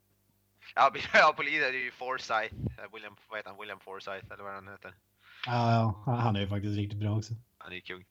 Ja, men det är, ju bra- men det är ju, så det är ju Sid Haig, Kevin Spaulding. En, en, en sån där film utan Kevin Spaulding också kommer ju bli. För han är ju i båda filmerna, både den första och andra, är som han som är den största, den, den mest intressanta nästan. Skulle det gått recast honom, skulle någon annan- skådis kunna... Nej, Dwayne Rock Johnson? Alltså. är ung Spaulding. Nej, fan, jag ser alltså. Har man på sig en sån där, vad heter det, Uncle Sam-hatt eller vad det är och clown, clown makeup och allt grejer. Ja. Ja, det får man väl se. Men nej, han uppföljare, vi vet inte fan vad det kan handla om alltså. Det blir intressant. Eh, vi avslutar med den här nyheten. Det var ju en stor nyhet. Eh, Disney är ju, har ju tagit över i princip the movie business. Nej, men deras studio, de har ju Sen är för det första Disney-filmerna animerade, tecknade och sen sina egna familjefilmer, eh, live action och Star Wars. Vi har Marvel-filmerna, vi har allt möjligt. Kan man tro att det finns någon studio som är mäktigare just nu än Disneys filmstudio? Eh, Nej. nej. Inte jag heller. Grejen är så här då, de har ju börjat sätta krav på Star Wars The Last Jedi kom ut nu i december. Och den förväntas ju bli årets största, vad ska man säga, inkomstbringande film och kanske världens genom tiderna har jag läst någonstans. Mhm, mhm. Att, Åh, jävlar. eh, känns väl inte helt omöjligt, jag vet inte, men Nej. De har hypar upp den ganska ordentligt på trailarna som de släpper nu, så ja, det är nog inte helt omöjligt. Första, eller Force Awakens var väl jävligt nära. Mm. Ändå. Ja men det är ju och då har de ju eftersom att ehm, eftersom att eh, den förväntas bli så stor succé så har ju Disney börjat ställa krav på biografkedjorna och så vidare. I alla fall i USA. Jag vet inte om det gäller Sverige också, men kommer med ra rad olika krav som tydligen inte gäller andra normala fall. Eh, Bland annat så går eh, i runda slängar 50% av biljettpriserna när du går och ser en film går till studion och eh, den andra halvan behåller då biograferna så att säga. Mhm. Men den här är kravet att de ska ha 65% av all, alla ticket sales. Jesus. Och det finns, ehm, ja, det måste, filmen måste visa, för att, kunna, för att du ska få visa filmen så måste du visa den i din största biograf i minst fyra veckor. Ehm, normalt sett så är det två veckor för en film som, Mm. som Disney brukar ha. Eh, ja, men allting och det finns en lista på grejer som skulle du sätta ut liksom reklam för filmer på fel datum eller liknande då kan du få så kallade böter. då kommer de kräva 70 av eh, biljettintäkterna från den biografen som gjort som de anser har brutit mot, mot reglerna. Liksom. Vet du vad jag får i huvudet nu Kent bara? Alltså, helt kopplat till Disney bara. Yes, Mr. Mouse. Att, eh, Ja, alltså Disney är ju på Mm. ytan typ det mest oskyldiga företaget, men vi, vi vet ju Walt Disneys Yes. allegedly past. Vi har Mhm. ju många exempel och nu börjar de bli liksom det här äh, nästan som en film, liksom the big bad eh, company eller vad säger ni? Jo, det är, det är väl lite åt det hållet misstänker jag. Det, de har ju the iron hand on everyone's balls at the moment med en tanke på de här demensen. Så ja, det är inte helt långt ifrån sanningen tror jag. Eh, speciellt nu när man bara vet att hmm, den här filmen kommer tjäna så jävla mycket pengar. Eh, och med tanke på vad de pungar ut för hela franchisen så ja, jag tror nog inte det är helt omöjligt att de försöker tjäna igen så mycket pengar som, eh, så snabbt som möjligt också. och nu är det ju vissa mindre eh, som har biografer och, och kedjor och så vidare som hotar att bojkotta då för att Ja. de tycker att kraven är, är, är orimliga. Mhm. Men vad tror ni? Tror ni att det här kommer få en konsekvens för, eh, kommer alla att köpa det tror ni eller kommer det bli bojkott eller och vad skulle vara, spela någon roll för oss vad som händer med det där? Det är tveksamt. Jag vet inte fan om folk kommer bojkotta eller... Jag inte. Det är bara bio. Alltså jag, tror- jag tror... eh, Som du säger, alltså det är liksom förutspått att bli den filmen som kommer att eh, dra in mest pengar i år och kanske någonsin. Även om Disney kräver 65% av eh, biljetterna till, till sig själva. Så tror jag att eh, filmen kommer att vara så stor så att biograferna kommer inte att våga säga nej till den. De kommer att gå miste om så mycket pengar ändå att eh, jag, jag tror inte att de kommer att faktiskt bojkotta filmen på riktigt. Jag tror att det här, det här är ju mer eller mindre ett, eh, en förhandlingstaktik. Alltså, de, de kommer att vara jättenöjda om de kan få ner de kraven till att det är samma krav som det är på alla andra filmer. Det, det, är liksom, det är väl det de är ute efter tror jag. Jag tror inte att någon inte kommer att visa Star Wars bara för att det är så jäkla mycket pengar som står på spel. Ja, som du säger, det blir lite som strejkaktigt. Alltså, samtidigt är det som om man ger med sig nu, eh, då kommer det bara bli värre i framtiden. Liksom, att, eh, kommer Disney kommer inte liksom, stå kvar eller sänka kraven till nästa tio åren. Liksom. Det kommer ju bara bli, bli värre och värre. Så ja, vi får se om den här blir eh, blir den filmen liksom som, som du säger, de vill inte gå miste om cashen men det kanske är i långa loppet kanske det är viktigare än, än just att dra in cash för den här filmen. Liksom. Mm. Mm. Det blir intressant att se i alla fall hur vars det, vars det slutar. Det blir ju intressant att se vad som skulle, om det skulle kunna hända något sånt här i Sverige. Vi har väl inte så många fristående biografer. I stort sett allting är väl SF-bio, är det inte? Ja, bio 3 är det väl, enda i Sverige. Hörde inte vad det står tyvärr. Bio 3 i, bio 3 i Piteå är väl den enda som är fristående i Sverige som jag känner till i alla fall. Det fanns någon, tror jag, här för mig när jag pluggade i Kalmar också, så det finns väl någon enstaka som är fristående här och där, men det är ju inte många. Nej, nej. Ah, det kan ju inte vara den enda i Sverige. Det, Är det, är, är det bojkott på bio 3 som gäller då eller? Om jag säger så här, då skulle ju Disney skaka av... Ja, De skulle ju back off så att säga. ja jag menar det. The Big Might Oh, ja. Disney bara tremble in fear för bio 3 i stort sett. Jag vet inte. Fan, Sveriges bästa bio. Ja, det är inte dåligt alltså. Det är inte dåligt. Ah, det var allt för dyrt svepet den här gången. Vi går vidare till poddens recensionsdel. Mr. Evoya har ju den här gången valt film och eh, Yes. ja, du kanske ska dra själv vilken du har valt vi ska, som vi har kollat på. Som Eh, vanligt pratar vi spoilerfritt i början och sen avslutar vi med spoilers men vi varnar innan. yes. Eh, jag valde ju Taxi Driver.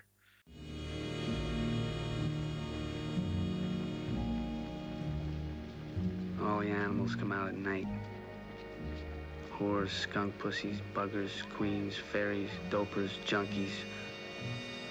Sick, venal. Someday a real rain will come and wash all this scum off the streets. Mest på grund av, ja, jag har aldrig sett den. Jag har, det räknas ju, klassas ju som en av världens bästa filmer genom tiderna. Så jag har aldrig sett den förut. Så jag ville ju ville se den. Eh, Martin Scorseses gamla filmer, gamla filmer eh, från 70-talet med Robert De Niro. Eh, ja, mest så jag har aldrig sett den. Jag har alltid jag har velat se den. Men ja, det var liksom bara därför jag valde den. Är det någon annan som inte hade sett den innan? Jag hade faktiskt inte sett den innan. Alltså, Jävlar. hur? Jag vet faktiskt inte i ärlighetens namn. För jag, när det kommer till de här klassikerna brukar jag faktiskt vara rätt så bra på att ha sett dem. Men den här hade gått mig förbi. Det är ju inte så att man nu... Mm. Det går ju inte att inte ha hört talas om Taxi Driver. Det, det, är liksom, det, det finns exakt. inte. Men på något jäkla sätt så har jag lyckats med att inte se den. Jag, jag kan inte komma på någon bra förklaring till varför faktiskt. Nej, för jag tänker mig alltså, det typ samma här. det här är en film som blir citerad jävligt eh, frekvent i min mening i alla fall, i de kretsarna som jag rör mig. Alltså, you talking to me liksom och sånt skit. Alltså, det är inga spoilers nu, men eh, det, det är en highly quotable movie är det. Alltså, och i den meningen så Ja. är det en popkulturell klassiker egentligen, i min mening. Så ja, jag blir bara Ja. förvånad när folk inte har sett den, men ja, det ska bli intressant att se vad ni tycker om den grabbar också. Men eh, dra lite handling då Jocke där, så att vi kommer in hit. Ja, det är ju Robert De Niro som spelar en, vad är det, en Viet, Vietnam, Vietnam War-veteran som Mm. då tar jobb som en taxichaufför på, på nätterna då främst och det som filmen är, handlar väl mer om ha- hans syn på på hur, ja, landet i, i för sig, men- och så, men att han, det är ju som filmen är ju som han, hans perspektiv och hans observationer som han gör och, Mm. och allt så möjligt och det själva huvudgrejen även sen när han möter Jodie Fosters eh, karaktär, eh, prostituerade karaktär och försöker få ut henne ur det livet så att säga. Mm. Det är väl som det är själva grundstoryn här. Kan man väl säga. Yes, yes. Och den är ju som sagt regisserad, det är ju Martin Scorsese såklart. En av hans tidigare filmer måste man väl ändå säga. Eh, värt att nämna är att Harvey Keitel är med i den här filmen också. Ja. Eh, och eh, har en väldigt speciell roll i den här filmen. Eh, jag tycker han gör en bra jobb faktiskt. Eh, det är typ, är det, tionde gången jag ser den här filmen. Fortfarande är jag fort- lika imponerad över att Harvey Keitel gör ett så jävla bra jobb som Halliken. Har du sett den tio gånger? Yes! Jävlar. Jävlar. Eh, inom, i, just varför är den så jävla bra? Alltså? Jag tycker den är jävligt bra. Jag vet inte fan om jag har sett någon film tio gånger alltså, nu när jag tänker på det. Jag har sett Scarface, typ den filmen jag har sett flest gånger. Den har jag sett typ så här fem gånger. Mm, mm. Det är Mortal Kombat. Eh, Doom. Åh, fy fan. Dude, where's my car? Ja, exakt. jag, vill, jag, jag, vill inte, jag, jag, vill inte, jag vill seriöst inte ens veta hur många gånger jag har sett Aliens alltså. Jag Ja. vet inte. Det är nog den filmen jag har sett flest gånger. Fy fan. Den filmen Med ganska jag, bred marginal också. Jo, jag har typ aldrig sett en film tio gånger nu. Ja. Ah, ja, tillbaks till Taxi Driver. Vad säger vi? Granström, du som inte har sett den innan, vad, vad tyckte du? Jag måste ju erkänna att eh, den här filmen klickade inte riktigt för mig. Mhm. Jag vet inte om det är om det är mig som det är fel på på något som jag sett i och med att det är typ en av de mest hyllade filmerna genom filmhistorien. Men det känns ju väldigt mycket som att eh, den, den försöker säga någonting om ett Amerika hur det var på en speciell plats i en speciell tid om man säger så. Och det känns inte som att jag, jag kan inte riktigt relatera till någonting i filmen känns det som. Jag re relaterar definitivt inte till eh, Travis Bickle som då är karaktären Robert De Niro spelar som är liksom marinsoldat eller för detta marinsoldat som är liksom psykiskt eh, störd och ser eh, världen förfalla framför hans ögon ungefär. Jag relaterar inte till eh, Jodie Fosters 12-åriga prostituerade rollkaraktär. Jag liksom, det, det känns inte som att jag relaterar till någonting i den här filmen. Och Mm. om det är det som är problemet eller inte vågar jag inte svara på. Det är ingenting i filmen som jag tycker är dåligt. Jag tycker att Robert Niro gör en riktigt, riktigt bra rollprestation. Man känner alltså bara sättet som han liksom när han kollar på andra karaktärer. Jag tänker eh, specifikt eh, Betsy som han blir lite, Mm. vad ska man säga, lite obsessed over. Eh, alltså liksom bara när han sitter där och kollar på henne. Det är liksom, man, man får en sån här känsla att det nästan kryper i skinnet på honom. Och liksom, han lyckas framkalla det bara genom att, liksom utan någon dialog egentligen. Mm. Så att eh, jag tycker att han gör en riktigt, riktigt bra rolltolkning. Men jag kommer, alltså, jag kommer konstant tillbaka till det där att det finns ingenting som jag relaterar till. Jag känner inte igen mig i världen som den här filmen visar på något sätt. Mm. Så att jag vet inte. Det, det är absolut liksom, det är bra hantverk. Det är ingen tvekan om den saken. Men jag kan inte säga att jag tyckte att jag varit underhållen av filmen. Jag kan inte säga att jag fick direkt ut någonting av att ha sett den. Och jag tror i ärlighetens namn inte att jag kommer att tänka på den här filmen Mm. något mer efter att vi har diskuterat den i den här podcasten. Mm. Ja men Kalle då, du, du kan väl vara lite motpol i och med att du har som sagt sett den Mm. eh, tio gånger och är ett stort fan av den. Liksom, Jo, alltså- vad, vad, är det du, vad är det som får den att kännas som ett mästerverk i din mening? Alltså, jag är ju med på det där att man inte känner sig igen i någon av karaktärerna med tanke på att alla är antingen douchebags, prostitutes eller... Eh, alltså, det är ju bara en skitvärld i stort sett. Han kommer ju tillbaka från kriget där och så är det i stort sett någon form av karaktärsbyggning, att han bara... Han är trött på livet, allt annat skit. Han, får, han har varit med i kriget och liksom stått upp för landet för någonting som eh, jag ändå är skit i stort sett. Han har stått upp för bara trash garbage, garbage så kommer han hem och blir behandlad som skit. Eh, så jag tycker ändå då, karaktärerna i den här filmen är det som drar hela alltså, släpet hem, tycker jag i stort sett. Eh, jag relaterar ju inte till någon av dem heller, men jag tycker ändå att det, det är en bra kommentering på just Vietnamkriget när man kommer tillbaka därifrån. Eh, det är bra karaktärer. Eh, det är bra skådespeleri. Eh, jag tycker ändå att hans jävla inre monologer är ju fruktansvärt bra. Alltså, speciellt den där i början och bara att han typ...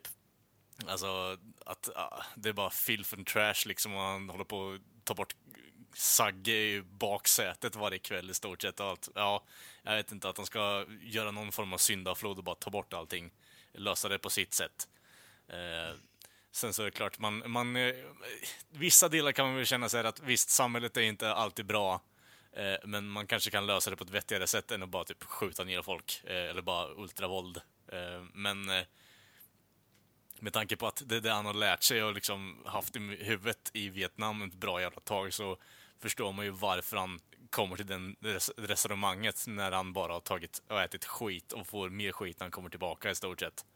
Eh, men eh, ja, vad fan ska man säga liksom? Eh, Det, det är ju en sån här film som jag har inte växt upp med, men det är ju man har ju en annan kompiskrets och den här filmen har ju blivit diskuterad flera, flera gånger om, så de har ju blivit så här, ja ah, men vi sitter och kollar på den och så snackar vi skit om den efteråt. Eh, men jag tycker ändå att det är en film som håller, alltså underhållsmässigt fortfarande idag, för min del i alla fall. Eh, och är det så att jag inte har något annat att se på så kan jag tänka mig att, ja ah, men fan, eh, jag har två och en halv timme eller två timmar liksom att spendera, så det är inga problem. Jag kan poppa in Taxi Driver om du känner för det i stort sett. Eh, den, till och från kan den bli väldigt långdragen. Det, det är någonting jag kan erkänna faktiskt. Eh, men det är mer bara uppbyggnaden och komma till något form av crescendo där på slutet som vi kommer diskutera lite senare.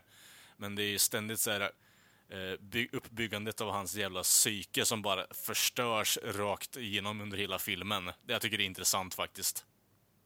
Alltså, jag, jag håller med att den intressanta biten där är just att se hur, hur hans psyke förändras och hur Ja. han liksom, ju- just när han ser förfallet, att det liksom, det äter sig in i han Mm. mer och mer och mer hela tiden. Mm. Men jag tror att problemet för mig till viss del är att han, när, han, när filmen börjar så är han redan väldigt uppenbart störd. Så att Ja, säga. ja, absolut. Och jag, jag, tror att det, det, jag tror att det är kanske där som jag, jag har den här disconnecten. Ja.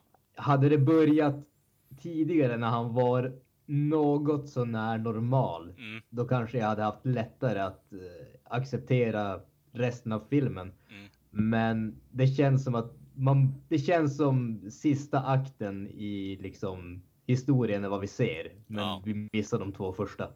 om vi säger så här, jag håller fullständigt med att han är, det här är en, det här är en film som inte har någon form av alltså, relatable characters. De är inte likable heller. Eh, det är typ det enda problemet kanske, eh, så här i efterhand. Eh, men när jag ändå har sett den typ tio gånger så har man ändå bara, okej, man har tänkt till lite till och från, tänkt på olika perspektiv, att ah, men okej, han kommer tillbaka från kriget, det är klart fan han är förstörd i huvudet. Det är lite så jag resonerar också. Men jag, jag köper ditt resonemang där, Granström. Det, jag kan förstå det, för någon som har sett den första gången faktiskt. Det kanske, ja. jag skulle bara säga, det kanske är så att orsaken till, eh, orsaken till att ingen är relatable eller likable är Mm. för att eh, det är en stand-in för hur Martin Scorsese ser på världen runt om sig. Jo, precis. Han är liksom Travis Bickle ungefär. Men han tar ihjäl, han tar ihjäl världen med film istället Ja, för med det. vapen. Jag menar det. Jag, vet, inte, jag tycker väl det var en av de grejer som jag gillar mest, att det inte var något, det var inget som, det var inget ljus, ljust i filmen, det var som bara Mm. mörker och elände och allting. Mm. Jag, det var det jag gillade, det var jävligt mörkt och eh, han är ju en troubled karaktär. Vad heter det? Travis Bickle. Mm. Och väldigt ensam också. De porträ- porträtterar honom som en väldigt som ensam karaktär som, som han har som ingen eh, som connection med någon annan person i princip förrän Mm. då kanske möjligtvis Jodie Fosters karaktär men han är ju som jag läste någonstans på nätet om det, han, det är som den mest en, ensamma karaktären som någonsin har porträtterats i en film och det tycker jag väl stämmer rätt, rätt bra. Mm. Och det är väl det jag tycker jag gillar att det är som, det är som bara mörkt och han det bara han har ju som inga, han säger, han är ju som inte positiv om någonting i princip. Han är ju väldigt som eländig och det, ja, det är ju som, det är ju som bara mörker och elände och det är, det är ju brott och det är ju, det är ju våldsamt och ja, även fast jag, jag tyckte, jag tyckte det inte, jag tyckte den var underhållande. Alltså, jag, jag, jag, jag, tyck, jag gillade den skarpt och jag, jag vet inte, det är no, någonting med det där som sättet hur han ser på världen och allt det där som jag, jag, jag tycker är jag tycker är intressant och Robert De Niro gör som så han, gör, han är som så bra i rollen så det blir som aldrig tråkigt även om han bara som sitter i en taxi med en inne monolog eller någonting. Jag tycker Mm. det blir som aldrig tråkigt. Tycker jag. Och, eh, och även om de inte är karaktärerna som ni säger, de är inte relatable direkt kan man väl inte påstå. Men jag tycker inte det behövs för jag tycker det, är- det är inte en sån här film som det, som det riktigt behövs. Mm. Det, det är som karaktärerna är inte meningen att de, de, ska, de ska vara de, de ska vara douchebags som hela, hela högen. Det är som det som är meningen och jag, jag, jag köper det. Mm. Liksom. Ja, jag, jag skulle, den här filmen är med liksom en studie av ett uh, psykfall ungefär. Ja, mer än exakt. Exakt. Ja. Ja, exakt. Eh, Jag har ju sett den här filmen en eller två gånger tidigare. Mm. Har väl aldrig riktigt uh, fastnat för, alltså den, den är så bra sådär, men jag tycker att den är lite seg. Mm. Det, är som, den har ju liksom inget ark mer än att han blir liksom mer och mer less på, på, på samhället och sådär. Och den har ju liksom, det är liksom bara scener som rullar upp. Alltså det kan ju också vara intressant liksom hur, som sagt det är liksom en, känns som en studie av ett, av ett eh, psykfall liksom. Bara, och det, det, tycker jag är lite intressant också, bara vad som händer när, när, han, eh, när man jobbar som taxichaffis och så vidare. Mm. Men jag tycker inte Robert De Niro är dålig på något sätt. Jag tycker han är bra, men jag har bara så svårt att när man ser filmerna idag, liksom, när, när man vet vad han gör för roller idag. Alltså det är svårt att, att, ko- att koppla bort liksom. ehm, ja, vad, vad heter de filmerna? Dirty Komedifilmerna. Grandpa eller vad den heter.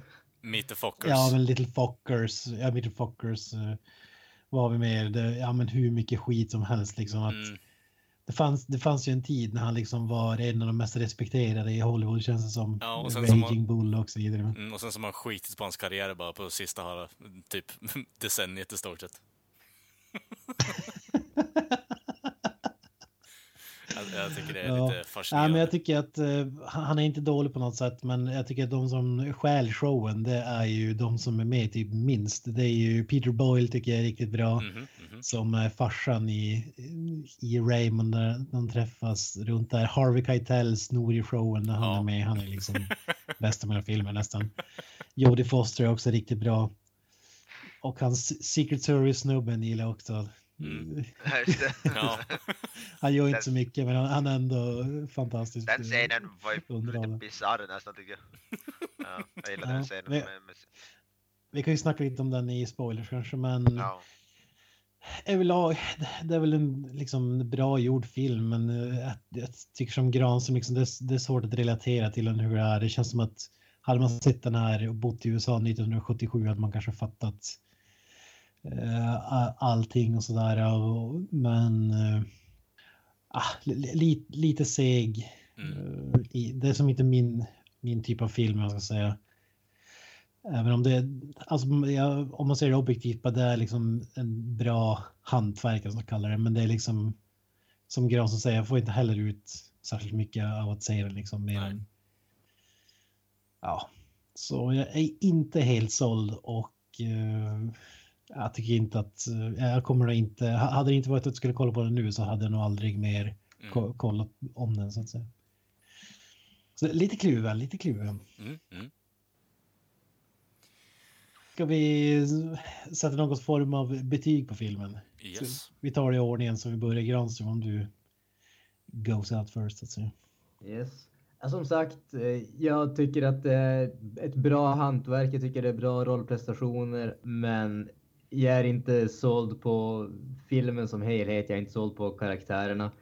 Eh, jag, jag skulle sätta en 6,5 på den här. Alltså det, det är okej, okay, men jag kommer, inte, jag, jag, kommer inte att tänka på den efter, efter att jag diskuterat den idag. Åh jävlar vad lågt. Fy fan. Okej, okay, ja. ja. Jag hörde besvikelsen i Kalles röst där. ja, jag, vet sagt, inte. jag är inte ett fan. Nej, men det... det... Ja, Kalle, låt höra ditt toppbetyg här. Nej, Det faktiskt måste ju vara fan minst 10. Nej, det är faktiskt ingen tia det här. Det, men eh, den här filmen har för oss... 6,5. Nej, faktiskt inte. Jag har sett den 10 gånger. 6,5. Eh, Nej, men alltså så här. Jag vet inte riktigt vad jag ska tillägga på det jag sa innan. Alltså, men det här är i min mening mångt och mycket en klassisk film som man åtminstone sett måste se en gång. Eh, I alla fall om man tycker om film. Eh, och ja, jag får väl ge det här betyget på en, en, en 8,0 där, får den. Jag är väl kanske någonstans med Kalle, det är med Kalles spår där. Jag, jag vill se den fler gånger, men jag, men jag skulle väl, det var fruktansvärt bra och ja, rent hantverksmässigt så är det som, det är den är i princip flawless. Musiken mm, pratar vi inte om, men jag tyckte, jag älskade soundtracket, det här jazz-soundtrack om man ska kalla det. Yes. Bernard Herrmann tror jag han heter, han som har gjort, eh, eller komposi- kompositerat filmen och eh, det gillade jag också och Robert De Niro är ju magisk. Eh, Harvey Keitel och likaså och snygg filmad också. Det finns en del riktigt snygga. Bland annat i slutet där som vi kommer prata om sen. Snygg. Men eh, ja, fruktansvärt bra film som man må, må, måste se i alla fall minst en gång. Jag skulle ge den också en, i alla fall just nu en mellan en 7,5 och 8 kanske i alla fall minst. Något sånt där. Där, där är King. Ja, det var inte super, super högt ändå. Kalles betyg var lägre än vad jag förväntade mig också. En film man sett tio gånger. Liksom. Men, Mm. ja. Nej, jag, jag har alltid trott, eh, b- bara som side note, jag har aldrig trott att det här var liksom en som kammade hem storslam på Oscarsgalan och sådär. Men det är det ju verkligen inte. Mm. Den var ju nominerad till fyra kategorier men vann inget pris. Mm. Förlorade på knockout mot Rocky och om jag säger så här, jag hade ju hellre sett Rocky tio gånger än att se om den här igen. Så. nej men eh, om man ska vara seriös, den är väl någonstans, alltså jag hatar mig själv för att det, sätt, det känns som att jag sätter samma betyg varje vecka men den är någonstans runt 7,5 där omkring ska jag säga. Mm. Även, jag tycker inte att den är så underhållande, men den är, den är intressant är väl mer Mm. eh, rätt ord och eh, som sagt bra gjort, bra skådespelarinsatser. Och det, det är ju som, som Avoya säger, det är ju liksom en kultfilm. Det känns som en film som man liksom måste se eh, bara för att den är så omtalad och, och så vidare. Jo. Men eh, ja, ingen superrekommendation, men eh, den- är, den är värd att kolla in så att säga. Mhm. Ska vi dra lite spoilers på det här kanske? Jamen, jamen. Yes. The disclaimer, please. Yes. Okej. Vi kommer från och med nu att snacka fullkomliga spoilers för Taxi Driver. Vill ni inte lyssna på det så kommer det inte att komma någonting annat i avsnittet så vi tackar er för den här veckan och hoppas att ni lyssnar igen nästa vecka. För er som vill höra på spoilers för Taxi Driver så kör vi igång med det nu. Spoiler alert! Spoiler alert! Spoiler alert!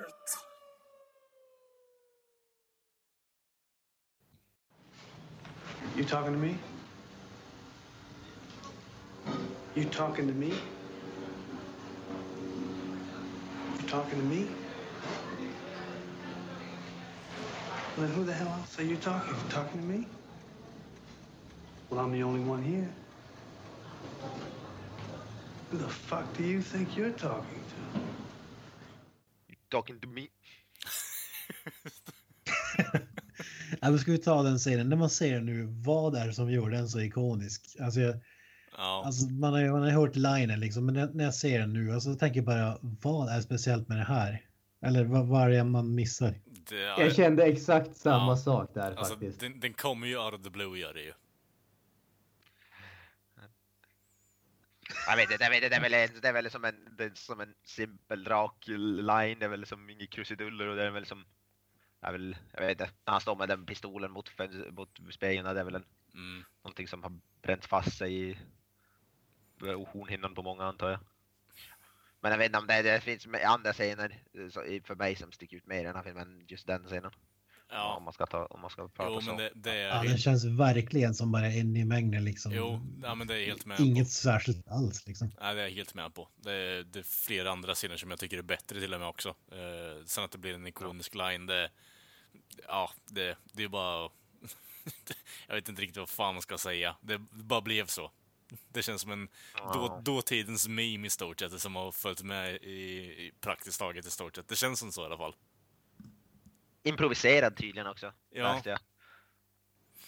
Och det, det, det känns ju som att det är mer en memeable istället för att säga att han torkar av alltså, sperma från baksätet egentligen. Det, jag vet inte. Det kanske bara är någonting som fastnar i stort sett för publiken. Jag tror inte det är något annat. Nej, jag vet inte. Ja, nej, jag vet inte var, var, var, den är så speciell. Mm. Just den scenen. Ja. Men ska vi ta eh, spoilerhandlingen då, eller så kallar det. Vad, är det någonting i inledningen filmen vi vill snacka om eller? Jag vet inte vad som, var, man ska, som i början som man kan egentligen spoila. Det händer som väl som inte så mycket i, i alla fall typ första halvan av filmen händer väl egentligen inte så mycket man kan, som man kan spoila egentligen. Det, det jag är Hans, mest- hans arbetsintervju är jag lite smårolig ändå tycker jag. I can work anytime, anywhere. I don't sleep at nights. Jaha. Ja, Ja, det där är faktiskt en bland de bättre faktiskt. Måste jag ja, säga. det är väl. Det är lite som, så får man lite indikation på hur som mentalt instabil han är. Det pratar han ju, en av de första grejerna han nämner att han aldrig sover. Som Mm. inte kan sova. Det är ju en av de tydligare tecken på det. Ja, men det är en bra, bra scen där när de intervjuerna. I can work anytime, anywhere.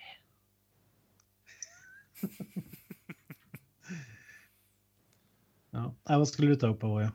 Ja, jag tänkte ju mest upp den här, fast det är ju mot slut, den här, den är som scenen när han ska försöka eh, assassinate den här eh, presidentkandidaten eller vad det är. Den, den, Mm. den scenen, den, den scenen som förstod jag som inte riktigt, den kändes som bara tagen ur sitt sammanhang, så- så hur sur, jag, jag för- för- för- förstod som inte riktigt den scenen. Den som Mm. kom, kom out of nowhere för mig lite grann. Ma- Man kan väl ta det från början. Jag tror att det är så här att han, han blir ju någon slags psycho crush på den här Betsy som då jobbar åt, eh, eller volunteer åt, är han kandidat till? Är han borgmästare? eller var. Borgmästarkandidat. Presidentkandidat. Är det Ja. president- Presidentkandidat till och med, ja. Fy fan. Och han, han, han, eh, han, han går in där liksom, vill söka jobb bara för att eh, han tycker, blir så kär i henne liksom, för när henne.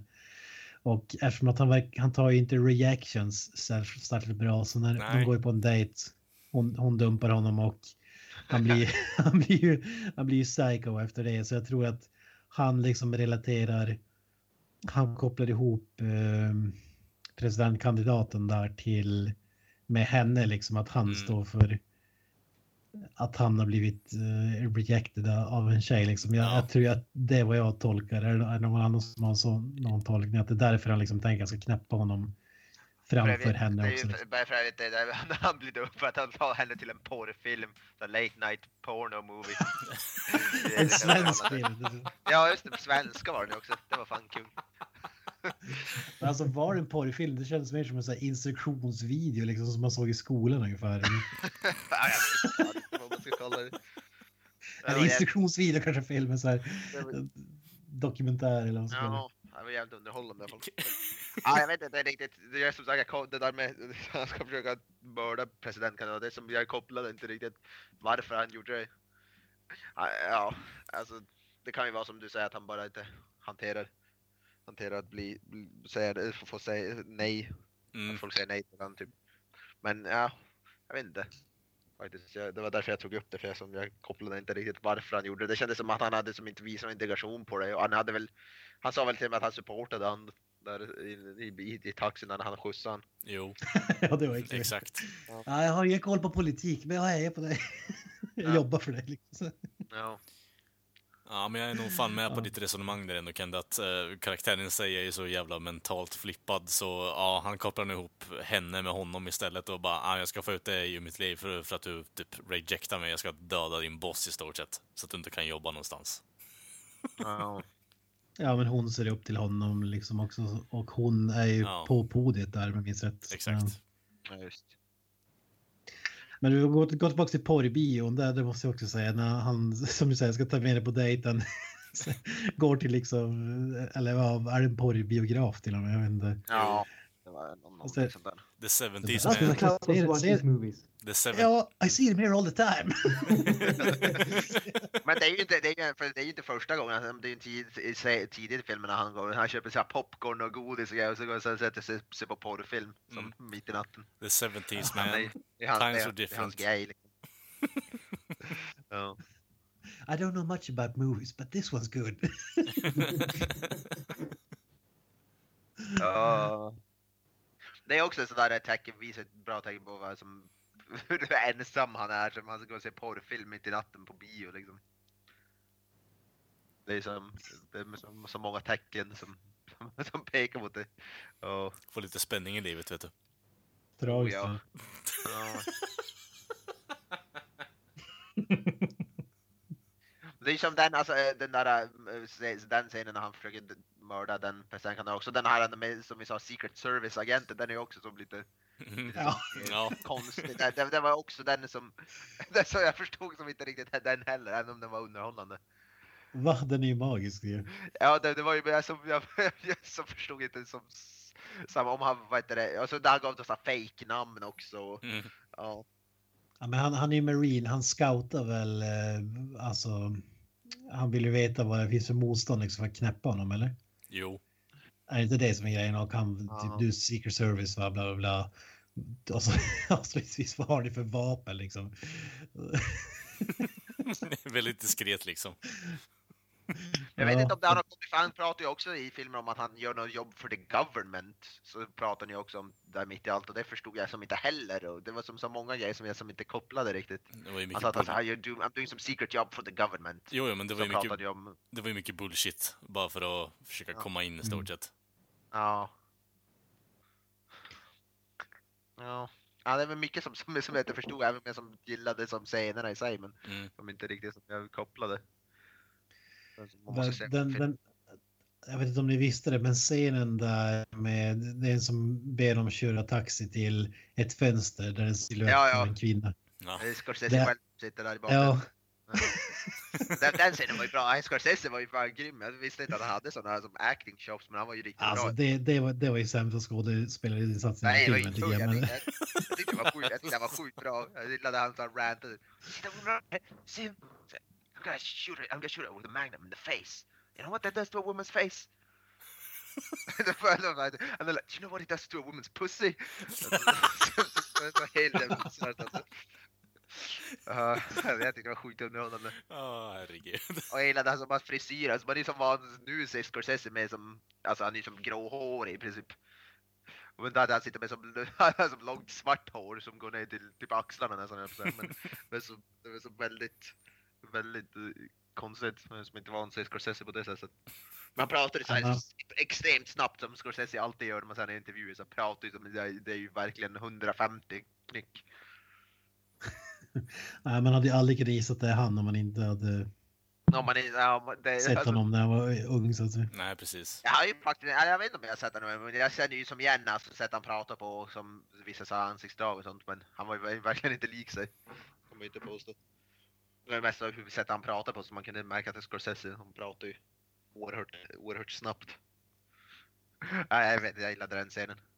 Men eh, förutom det så är ju slutscenen som, ja, den gillade jag som skarpt, det är redan som, jag har bara sett den här scenen en gång och det är ju en klassiker som Mm. när han går in och massakrerar alla. Jag tyckte den scenen var fruktansvärt bra. Alltså det var ju liksom. Det är ju, det kanske är mer verkligt än, det var inte John Wick 2 direkt. Det var, Nej. det, var det mest eh, klumpiga actionscenen som någonsin Ja, men det var det, var det, som jag, det som jag gillade. Det, känns lite mer realistiskt att alla de inte gör allting perfekt och det går lite åt helvete. Och det var ändå mycket mer grafiskt våld än vad jag trodde det skulle vara också. Det var det som jag gillade. Det var väldigt, verkligen så här mörkt och så skitigt och allt. Det var ju verkligen inget koreografi, inte koreograferat på något sätt. Nej. Och det var det som är ta- tanken tror jag väl också. Att han är, att Man kan säga, man kan säga snabbt, han, han ska ju rädda Jodie Fosters karaktär och bland annat skjuta ihjäl pimpen Harvey Keitel Ja, och eh, massa gangsters. Men han- kommer ju kom in där i deras högkvarter för att ta sig upp till henne och då skjuter ju först bort fingrarna Ja. på den här ma mafioso-snubben som liksom... Och så, så, så, bara, lä- så typ lämnar de där och så bara står och skriker så här rakt ut. Så kommer det fram någon som skjuter han i axeln typ från Ja. en decimeters avstånd. Liksom så sjuka sätt att skjuta folk på. Liksom. Det var inte i huvudet utan det var typ fingrarna i magen i axeln. Alltså, det jag gillade det. Det, var ju som inte, det var väl det som var tanken tror jag också när de gjorde filmen att det, det skulle vara så. Som, ja, jag tror det. Ja, det fan man, alltså för att, han, för att visa att det inte, alltså det var liksom inte att han är någon sån perfect assassin och han har väl, han har väl inte, ja han har väl lite, han, han var ju med i krig men att han, han är väl inte sådär supertränad ändå. Och ja, jag vet, jag, vet, jag gillade det, och jag gillade alltså, specialeffekterna när de, typ, de skjuter ja, fingrar så där var så här, de såg bättre ut än vad jag trodde. Jag trodde det skulle se nej, nej, nej, nej, nej, nej. Alltså han håller i en trähand typ eller alltså. det- Ja, jag vet inte, jag, jag såg inte så noga. Jag tyckte, jag tyckte det såg bättre ut än vad jag förväntade mig från en 40 år gammal film. Alltså jag kan inte se den film, den scenen utan att gapskratta. Alltså jag tycker den är så jäkla B. Inte, jag tyckte det var klart, klart bästa scenen i hela filmen. Jag gillade den. Jag gillade skarpt. Va? Åh jävlar. Ja, Gra Ja. Granström, vad säger du? John Wick Jag- 3?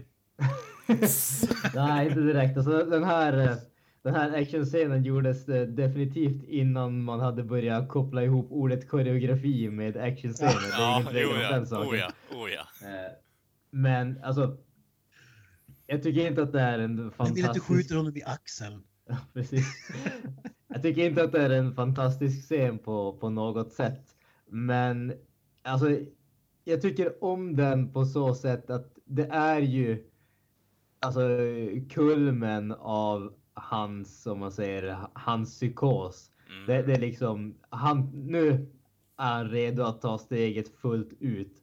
Och självklart så liksom klantar han ju till det. Det, det är det jag tycker om. Alltså pre- precis som Mm. eh, Avoya säger, alltså det, det är just det här att ja, en man kanske inte kan göra så stor skillnad i slutändan om man säger så. Mm. Sen så vad heter det? Eh, sen så givetvis, han, han blir ju hyllad eller omtalad som en hjälte i, vilket fall som helst. Men eh, vilket jag väl tyckte var lite sådär, eh, ja, whatever. Men, ja. Men, men alltså, jag tycker om, som kulmen på filmen och på ah, Travis, eh, Travis historia tycker jag om scenen. Men jag tycker inte att scenen i sig är liksom fantastisk på något sätt. Det är det som jag gillar, det som scenen i sig avspeglar också, hur lite psykiskt in, eller som instabil han är för han som det går åt helvete när han försöker till, till och med när han ska göra någonting som han förmodligen ska vara tränad till eftersom han då var i armén men det går ändå åt helvete. Och jag tycker som speglar bra hans personlighet också av hur klantigt och hur åt helvete det går. Även om han då får jobbet gjort på något sätt ändå men det som Det speglar som bästa, person- det bästa med den scenen tycker jag är när skjut, skjutandet är över och han exempel försöker ta sitt liv men han har, han har inte tillräckligt med kulor i pistolen. Liksom. Och, Ja. och där när, när poliserna kommer in i rummet och han liksom ligger där, det, det tycker jag är mycket bättre. Men just det här när, när han skjuter, det är inte bara han som failar utan det är en person som ska knäppa honom. Liksom. Alltså, alltså, så jag, jag, jag förstår att det liksom ka, kanske är tänkt att eh, han, eh, han, ska, att han ska faila liksom för att, ja, så, som ni säger, men jag tycker när han kommer och skjuter honom i axeln, alltså från liksom, alltså en decimeter ifrån. Det är en- en person som kommer ut som är med Jodie Foster har jag för mig, eller kanske Ja. någon annan prostituerad, men den är så jäkla, där, där gissar jag bara att det var enklaste effekten, liksom att sätta den i axeln. Ja, men det är möjligt. Men jag gillar, ja, som du säger, när han sitter där och så när han stoppar fingret mot skallen när polisen kommer in och så går han bara Mm. den, det, Och sen när han över, det där uh, kameravinkeln de körde kameran uh, så från ovanifrån, ja, det tycker jag var snyggt filmat också. När man ser som hela förödelsen, när kameran som sveper sådär. Ovanifrån. Det, det tyckte jag var snyggt. Eh, Mm. ja, så, men ja, ja det, det där med skjut i axeln, det kanske möjligtvis att det är väl, men jag vet jag gillade det. Jag gillade som hur den scenen var upplagd. Och jag vet jag tycker det liksom reflekterar bra på Travis Bickles personlighet lite grann. Den som är lite, ja, eller väldigt instabil. Men vad är det vad är det som hände efter det? Ja, som ni sa, han blev hyllad som en hjälte och sådär. Det, det, vet, det vet jag inte om jag, om jag som gillade det. Jag tyckte jag hade varit bättre om det som om det slutade lite mer olyckligt för honom. Det känns som inte passande att det skulle bli som en så happy ending som det var i den här filmen. Man hade kunnat klippa där efter eh, the shootout så att säga. Ja, Och eller så typ att polisen kommer in och kommer in och knäpper han eller någonting. Inte fan vet jag. Det känns som lite, lite, för, lite för lyckligt slut för en som, som mörkfilm ändå. Jag tycker de borde ha slutat när han har fingrarna mot, eh, liksom, huvudet, mot, mot tidningen Ja. där. Ja, faktiskt. Det är som, det är, det är som skärde sig nästan lite grann, det där lyckliga, Ja. lyckliga slutet mot resten av Det är jag med på. filmen. Det är jag med på. Det, det enda jag tycker var intressant det var ju det här när hon, eh, Betsy där, eh, han ska köra henne, då märker man liksom att okej, han har fått utlopp för all sin skit liksom. Han bryr sig inte ens om henne egentligen. Mm. Alltså, han har rensat systemet så att säga. Ja. det, det, det är ändå lite kul. För de flesta Ja, räcker vet, en hand tid- till alla, tid- men vissa att skjuta ihjäl med vanliga människor. Ja, precis. ja, men när han säger liksom, ah, du vet tidningarna förstorar ju upp sådana grejer. det är faktiskt bra också. Ja. ja men det är som, det blev lite, nästan lite för lyckligt slut i den filmen för att det ska... Jag tycker det hade nästan fungerat bättre om den slutade mer olyckligt. På något sätt. Mm. Och som det där brevet han får av hennes föräldrar och allt det där. Det är som nästan perfekt. Det är som alla är som, the, the bad guys är att Travis lever lyckligt alla sina dagar. Mm. Och så är hon, hon, hon kommer ut i prostitution, det är som så här, det är som eh, perfekta lyckliga slutet. Eller vad man ska kalla det. Mm. Det kändes lite konstigt ändå. När får vi en remake på den här, eller uppföljare? Taxi Driver 2. De har väl hållit på att prata om det till och från ganska mycket. Ja, det har de väl, väl det har de säkert gjort. Och ja, ja men det är väl en sån här film som, som vi har pratat om Scarface sån där som det, det, det ska man väl inte riktigt försöka ge ge sig på ty, tycker jag. Mm. Men på tal om Scarface, är det bara jag som vill ha de här montagebitarna liksom eh, köper pistoler, tränar och grejer? Är det bara jag som vill höra push it to the limit? Just det. Det är fan en kung. Det är exakt sådana scener liksom. bara Ja, när han står, när han musiken står, saknas. Ja, när han står framför spegeln också. Så push it to the limit. Ser man vad han ma-. Talking to me. Ja. Det hade gjort filmen bättre. Det var ju faktiskt en scen som jag också gillar när han köper vapnen där. När han, står, när han står och tar fram den stor jävla revolver som är lika stor som hans arm typ. Det är ju fan en bra grej alltså. Och när han gör sin egen sån makeshift för den där lilla pistolen som kommer ut ur hand, handleden. Så han bara... Mm. Han gör sin egen sån, ja. Det är bra grejer alltså. Jag gillar försäljaren också, det är som att han säljer dammsugare eller sånt där. Eller mobil. you, also, do you want coke? Methamphetamine? A brand new Cadillac with a pink slip? ja, det, det, finns en hel del ljusglimtar faktiskt. Det gör det. Ja. Oh ja. Tycker kanske inte att allting hänger ihop så sammanhängande och också där allting, men Ja, som sagt, jag gillar de här scenerna när de taxichaufförerna träffas på något fik eller bar eller vad det är och liksom berättar historier från när de har varit ute liksom. Det Mm. som med han Peter Boyle där till exempel med hår. Det var ju fruktansvärt syn. Ja. Ja, ja, det, det, ja faktiskt. Och han är som, som bara outsider som säger som ingenting. Robert De Niro bara sitter där. Oh, Han skulle vet du, sälja, han fick ett del för ett badkar som han skulle sälja eller vad fan var det? Som sa, can you sell this? Do you wanna sell this for me? Det någon, någon, någon känd persons badkar, vad fan var det? Någon jävla de, porslinsbitar typ. Det var det typ Errol Flynns badkar. Ja, det var det. det var så, can you, can you sell this for me? sell this for me and give a piece of the cake? Like, no, no, I, I don't want to. Det var också som bara så bisarrt och konstigt. Yes, har vi något mer att tillägga Granström? Du som eh, älskar den filmen, har, har du något du vill snacka om innan vi ihop? Nej, jag tycker nog att vi har pratat egentligen om de delarna som är värda att, eh, att ta upp tycker jag egentligen. Mm. Det är ju väldigt mycket av den här filmen handlar ju om atmosfären och liksom att se världen eller se hur Travis Bickle ser världen och det betyder ju att det är relativt stora sträckor där det inte egentligen händer så mycket. Man ser bara hans liv mer eller mindre. Så att eh, det, det som vi har pratat om är ju de bitarna där saker fast, faktiskt händer. Mycket däremellan det är ju transportsträckor krasst sett. Ja, jag håller med. Och så, sen är det som bara scener som spelas upp. De har liksom... Ja, som det här, vad som hände på jobbet och så vidare. Scorsese-scenen är ju nageläget liksom. Alltså. Ja. Äh, Knösen, avslutande ord innan vi wrap this shit up. Ah, ah, som sagt, den här eh, fil eh, filmen är ju löst baserad på mitt liv så jag kan ju, jag är ju lite, kan ju inte vara, jag kan inte vara så objektiv. Det, det, Driver. Ja. Nej men det är en riktigt bra film. Jag, jag vill se om den för det finns mer, mer, jag tycker det finns mer som kan, man kan upptäcka och lägga märke till om man ser den flera gånger. Förmodligen. Så jag, vill, jag kommer se om den tror jag definitivt. Uh, för jag, jag, jag tyckte den var riktigt bra. Jag, jag gillade den som fan. Om jag nu ska kalla den en av världens bästa filmer som många gör det, det är väl kanske lite långt men jag vill se om den i alla fall. Definitivt. Jag, jag gillade den. Gillade den, gillade den skarpt.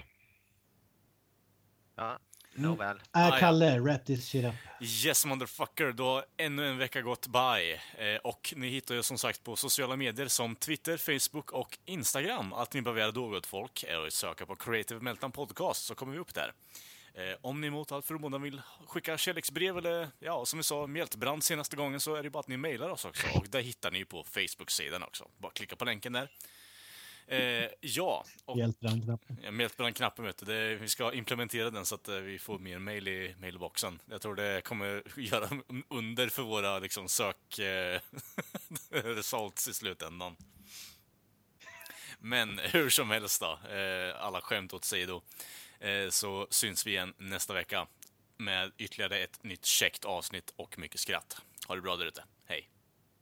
That's it, man. Game over, man. It's game over. Jajamensan gott folk. Vär... Alltså varje fucking avsnitt alltså. Varje fucking avsnitt. Jag vet inte vad det är jag håller på att göra alltså.